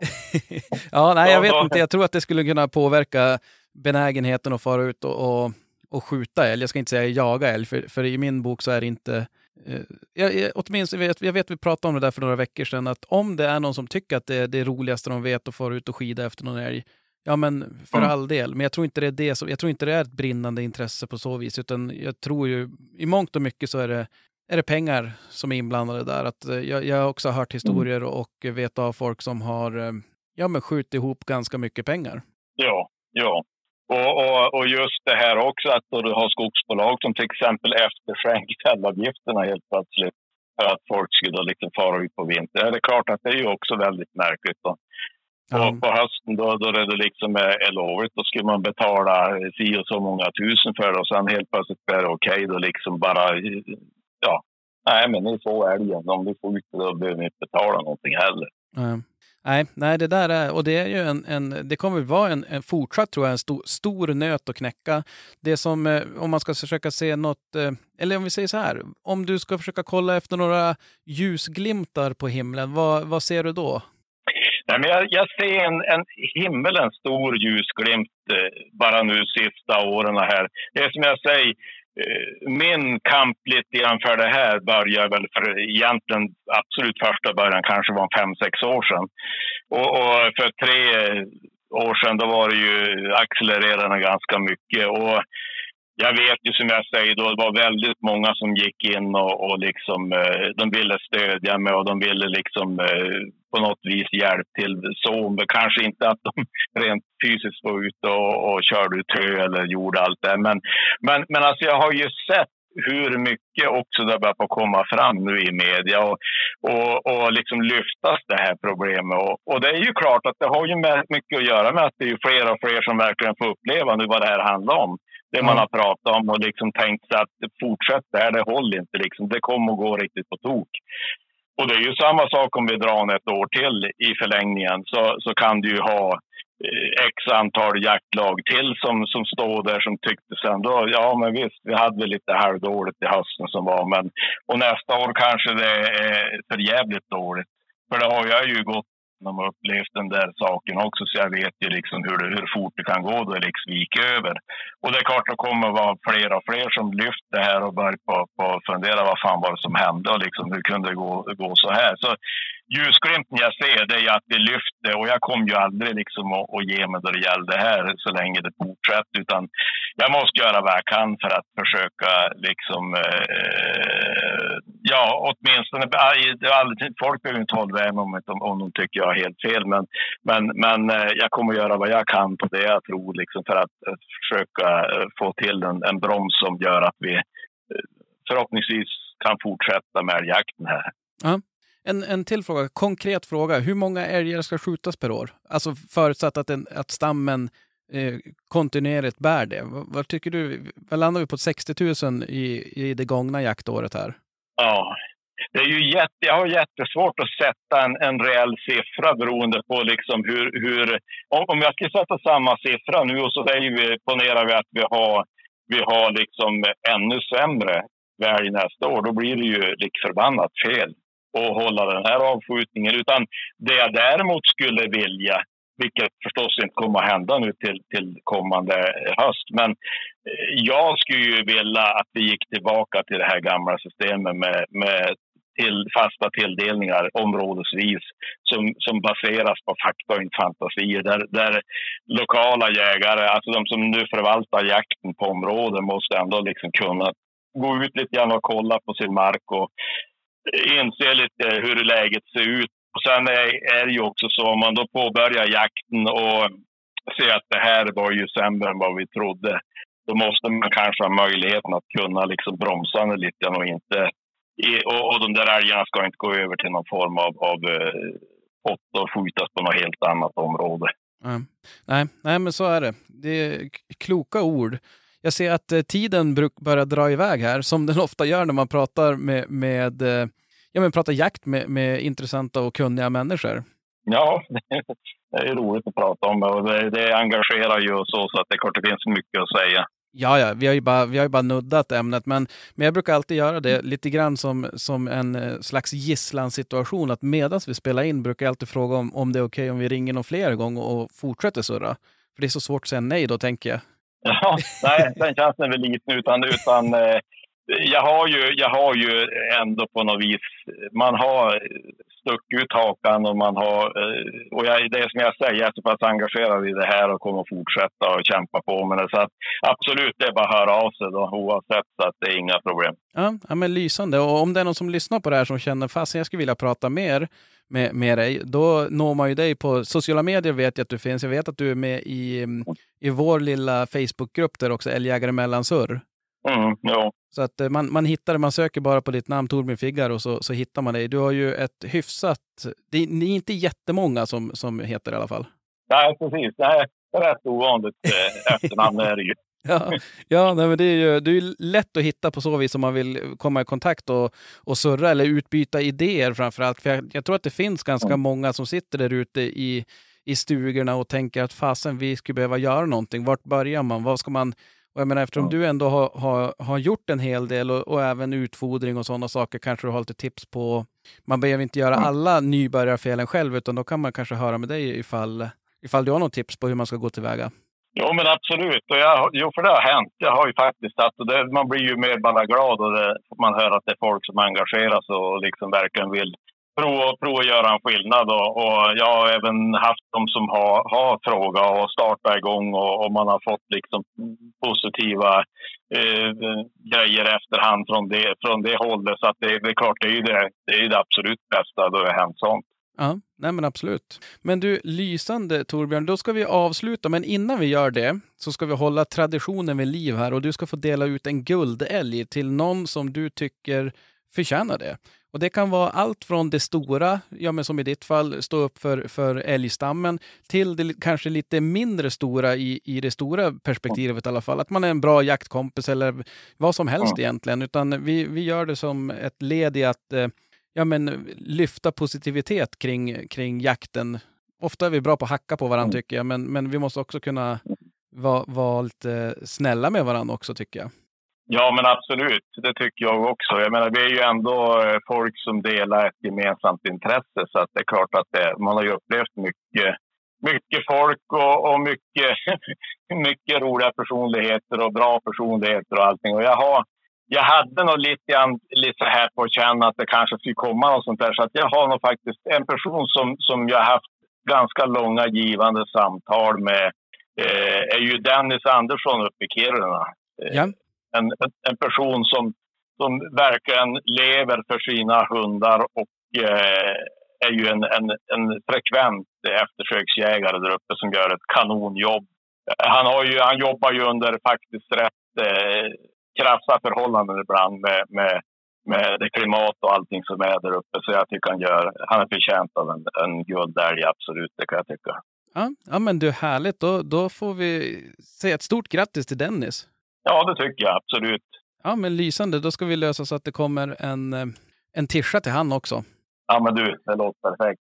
Då får Ja, han klä sig, han som har lite kallt där uppe. precis, precis. Men du, lysande Torbjörn, jag ska släppa iväg dig. Stort tack för att vi fick ringa och, och surra lite grann med dig. Och jag, jag, som jag sa där, jag tror att vi kommer ha all anledning att, att höras mer här framöver. Ja, nej men absolut. Och, och jag säger tack tillbaka att ni vill eh, lyssna på mina åsikter lite grann runt det här. Och så hoppas jag du får en fortsatt bra kväll. Ja, men tack detsamma. Sköt om dig så hörs vi. Samma du. Tack du. Hej! Hej, hej.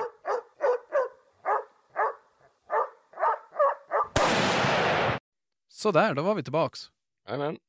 Jag tänkte säga, vad tyckte ni? Men ni har ju inte lyssnat, utan det här är ju så här... Det är ju som på, på matlagnings-tv, men det har vi har förberett. Så att eh, ni kommer ju få lyssna efteråt. Ni. Ja. Ja, men då har vi något att se fram emot. Så är det. Så är Mm. det. Mm. Eh, tror du, Krille han...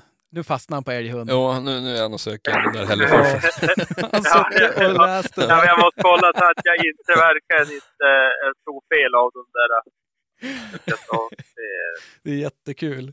Det här kunde, vi hade kunnat ha kört hela avsnittet och han hade som aldrig... Tänk dig folk som, kör, stå, tänk dig folk som ser han nu. Vad fan håller han på med? Står med peltorkåpor. Det är synd att de inte ser vart han är. Ja, exakt. Fick du någon klarhet i det du letade efter då? Ja, nej, men jag tror jag var rätt. Jag var inte helt åt exakt, men det här ska vara... Det var ju Valdemar pappa. Ja. Men apropå Valdemar, visst var det någon som skrev någonting till oss? Jag, Ja, det var ju någon parning som skulle göras nu. ja, precis. Vad var det om? Nej, men här, eh, då är Valdemar där bak i stamtavlan där och då frågade de, eller han undrar väl att fråga om det var den Valdemar då som vi stör om hela tiden. Men sa du det då att det är ungefär som med, med Ipsi? Det är liksom hundraprocentig garanti? Ja, nej, hundra, nej, det är det väl inte. Nej. Sådana kullvärden har vi inte. Nej, men nu i... Men då säljer sig väl de flesta att upp. Nej, jag ska inte säga det rätt. Jag, ska, jag kan inte reta allt för mycket folk. Det blir, det blir så jävla jobbigt. Försvar det sen. Ja, ja det, är, det är lätt att, att sitta och vara kaxig bakom någon, någon eh, mikrofon. Det blir värre sen på när man Ja, träffas precis, folk. precis. Jo, det var ju ett skämt. Jag ska trycka upp tröjor åt oss. Förlåt för allt. Vi bara skojar. Ja. Ja. Men, eh, nej, men det, det, var, det var intressant att surra med, med Torbjörn. Han har ju eh, snackat om att, eh, det är precis som jag, jag, nu har inte ni hört det, men, men som, som jag säger där, att han istället för att prata om saker så gör han saker. Han verkar ju vara en sån person, ja. Handlingskraftig. Mm. Så att vi, vi får surra mer om, om ni har några synpunkter, vad ni tycker och tänker om det nästa Mm. vecka. Det blir jävla kanon. Ja. Och eh, vi bommade ju fredagsfrågan såklart i, i fredags. Ja. Eh, men jag tänker vi måste försöka hitta någon fredagsfråga. Har ni någon? Nej. För om, jag tänker att om vi, om vi då sätter någon här i podden, då ökar chansen att vi kommer ihåg det. ja, inte så lätt det där faktiskt. Vi har bara haft några fredagsfrågor så det är Ja, Ja, Det går ju inte att komma på bara nu så här. Jag blir ju... ja, ja jag skiter i det då. Vi skiter i det. Men eh, det blir ju, eller ja, det blir ju inte så mycket kortare när vi slår ihop allting här. Men, men eh, du, har du något tips den här veckan då, Krille? Nej, alltså det är, jag får, alltså det där, då- ja, det måste jag ju skärpa till mig på. Då måste jag komma på Ja, det är- men du kan ju alltid falla tillbaka på träna hundar. Ja, precis. Jag brukar, jag brukar ja. tänka på när, när jag är ute med kör skoter med hundarna. Jag brukar tänka på Krille. Nu tränar hund. Ja. Jävlar, nu ska vi träna hundar. Ja, Flåsa mig bak i nacken där. Ja, ja, det är som sitter på axeln. men du var fin Allan var jag. Jag såg inte lust bilder där. Ja, men han, det ska bli kul att höra vad de säger, men jag kan ju inte så mycket om sånt där, så att det ska bli kul att höra vad Nej. de säger. Ja, just det, på utställningen. Ja, precis. Ja. Se om man kom När var det det var? Uh, Det var inte så långt bort. Nej, 18 tror jag det var. I mars nu. Ja. Det var bra. Ja, nej, men det blir spännande. Ja, faktiskt. Jag tycker alltid, alltså jag kan ju inte sånt där, även fast eh, när vi pratar med Ted som är, ja men duktig, han dömer ju så han är ju superduktig på det där. Mm. Men jag kan ju aldrig se kors och linjer och Nej, bla. Alltså det, Dåligt som fan på det där. det är nästan så att det är snarare en regel att om jag tycker att en hund är fin, då blir det så ja men sjuan, åttan och tolvan kan lämna. Man bara, "Jaha, vad vann de nu? Nej. Nej, det där, det där har jag inget öga för heller. Faktiskt. Nej. Men jag, tycker, jag håller med, jag tycker också att eh, Allan är fin. Ja. Ja, men han är fin. Jag tycker Ja. han är fin. Han är fin och rolig. Ja. Men jag tänkte på det när vi var ute. Vi var ju ute en sväng och grilla och ni var ju med också. Mm. Det var lite roligt och dagen efteråt så la du upp bilderna tror jag. Mm. Som du hade fotat. Mm. Och då, då, hör man, då hör man Victoria, nu hänger jag ut henne här men det får Ja. hon leva med. Ja. Hon bara, men alltså gud vad grov tiken är. Jag bara, "Vad- vilken tik? Då trodde hon, Krille, nu får ju du hålla för öronen här, men då trodde hon Vad säger hon? då trodde hon att ehm, Sven var, vad heter hon? La, like. Jaha. Hon trodde det var du som Krille som hade lagt ut bilderna på en hälleforsare. För hon, Jaha. hon kände igen selen. Och hon bara, men gud vad grov like är i kroppen. Ja jävlar vet du om hon kunde vara i svensk storlek. Vet du, då jävlar. Jag bara, vad pratar du om? Hon bara, nej men, jag bara, nej men det där är, det där är, ju, det där är ju Sven. Det är inte Jag en tror- tio månaders valp, det är en tioårig hane. Men eh, Ja, hon kommer att ändra uppfattning när hon träffar. ja, ja, nej men det var lite kul. Och på den svängen, då, fick han ju, då sprang han ju tillbaka sen, Sven. Mm, mm. Det var tungsprunget. Jo, han är, han är, han är tung. Ja, jag såg det. Han, han kämpar ju på bra, men sen i en sväng när ni bromsade in lite grann, då bara tjopp så satt han upp på... Och då På han dynan. upp, då vill han åka. det. jo, men den andra lillskarven där, han pinnar på alltså. Ja. Det är makalöst vilken tjurskalle alltså. Ja, förstår du vet det där. Vad, är- vad var det du brukar säga till mig? Det där kommer att bli en, en eh, vad heter det, Karlavagnen-hund. Ja, Nästan så att jag hoppas det faktiskt. Jo, men du vet när, när, när det där, när, när kronan trillar ner, han kommer ju aldrig ge sig på grund av flås i alla fall. Men det känns inte som så. Han, han- jag tycker han är jäkligt... Han matar på alltså. Ja. Så att det, det, det ser bra ut. Men du, vet du vad jag kom på? Nej. Jag har en liten efterlysning. Okej. Om man får vara så jävla fräck. Ja, efterlys på. Eh, pojkens kompis har tog jägarexamen i helgen. Som Ja. var, och han skrev åt mig och frågade om jag visste av något vapenskåp. Jag vet. Vet du? Ja. Det var ju en snabb efterlysning. Just. Ja. Han ville få tag i ett vapenskåp. Ja, nej, men jag kan veta av det. Mm. Jag fick nämligen ett, eh, det var någon som skrev till mig här att eh, massa bilder på massa bössor. Mm. Så bara, vill du ha? Jag bara, nej, jag vill inte ha någon gambössor. Nej. Eh, och eh, då visade det sig att det var, det var ju faktiskt pappa som skrev, så att jag visste ju vem det Ja. var. Men då han var hemma hos mormor och morfar och han eh, ska väl sälja det där nu då, för att ja, men han är gammal och ska inte jaga någon mer. Mm. Och eh, då sa frågade han, vad kostar det här? Jag sa, jag har ingen aning. Ja. Men det jag vet är att tyvärr så ger, alltså det är inte så stort, eh, vad ska man Sug. säga, sug efter gambössor. Nej. Vissa, vissa kalibrar kanske, och det var väl någon 22 och sådär, och Mm. 222, jag, jag kan ju inte sånt där, men Mm. de kanske någon vill ha. Mm. Men annars typ en, en eh, vad heter det, 6,5, vad var det, Husqvarna eller Carl Gustav, Ja. de här vanliga. Mm. Jag tror inte, Ja, jag det tror knappt man kan få sålt dem, jag vet aldrig. Nej, jag vet inte heller, men det, det brukar väl vara svårt. Ja, men Mm. däremot så är vapenskåpet tror jag det som är lättast att sälja och eh, han får mest för. Mm.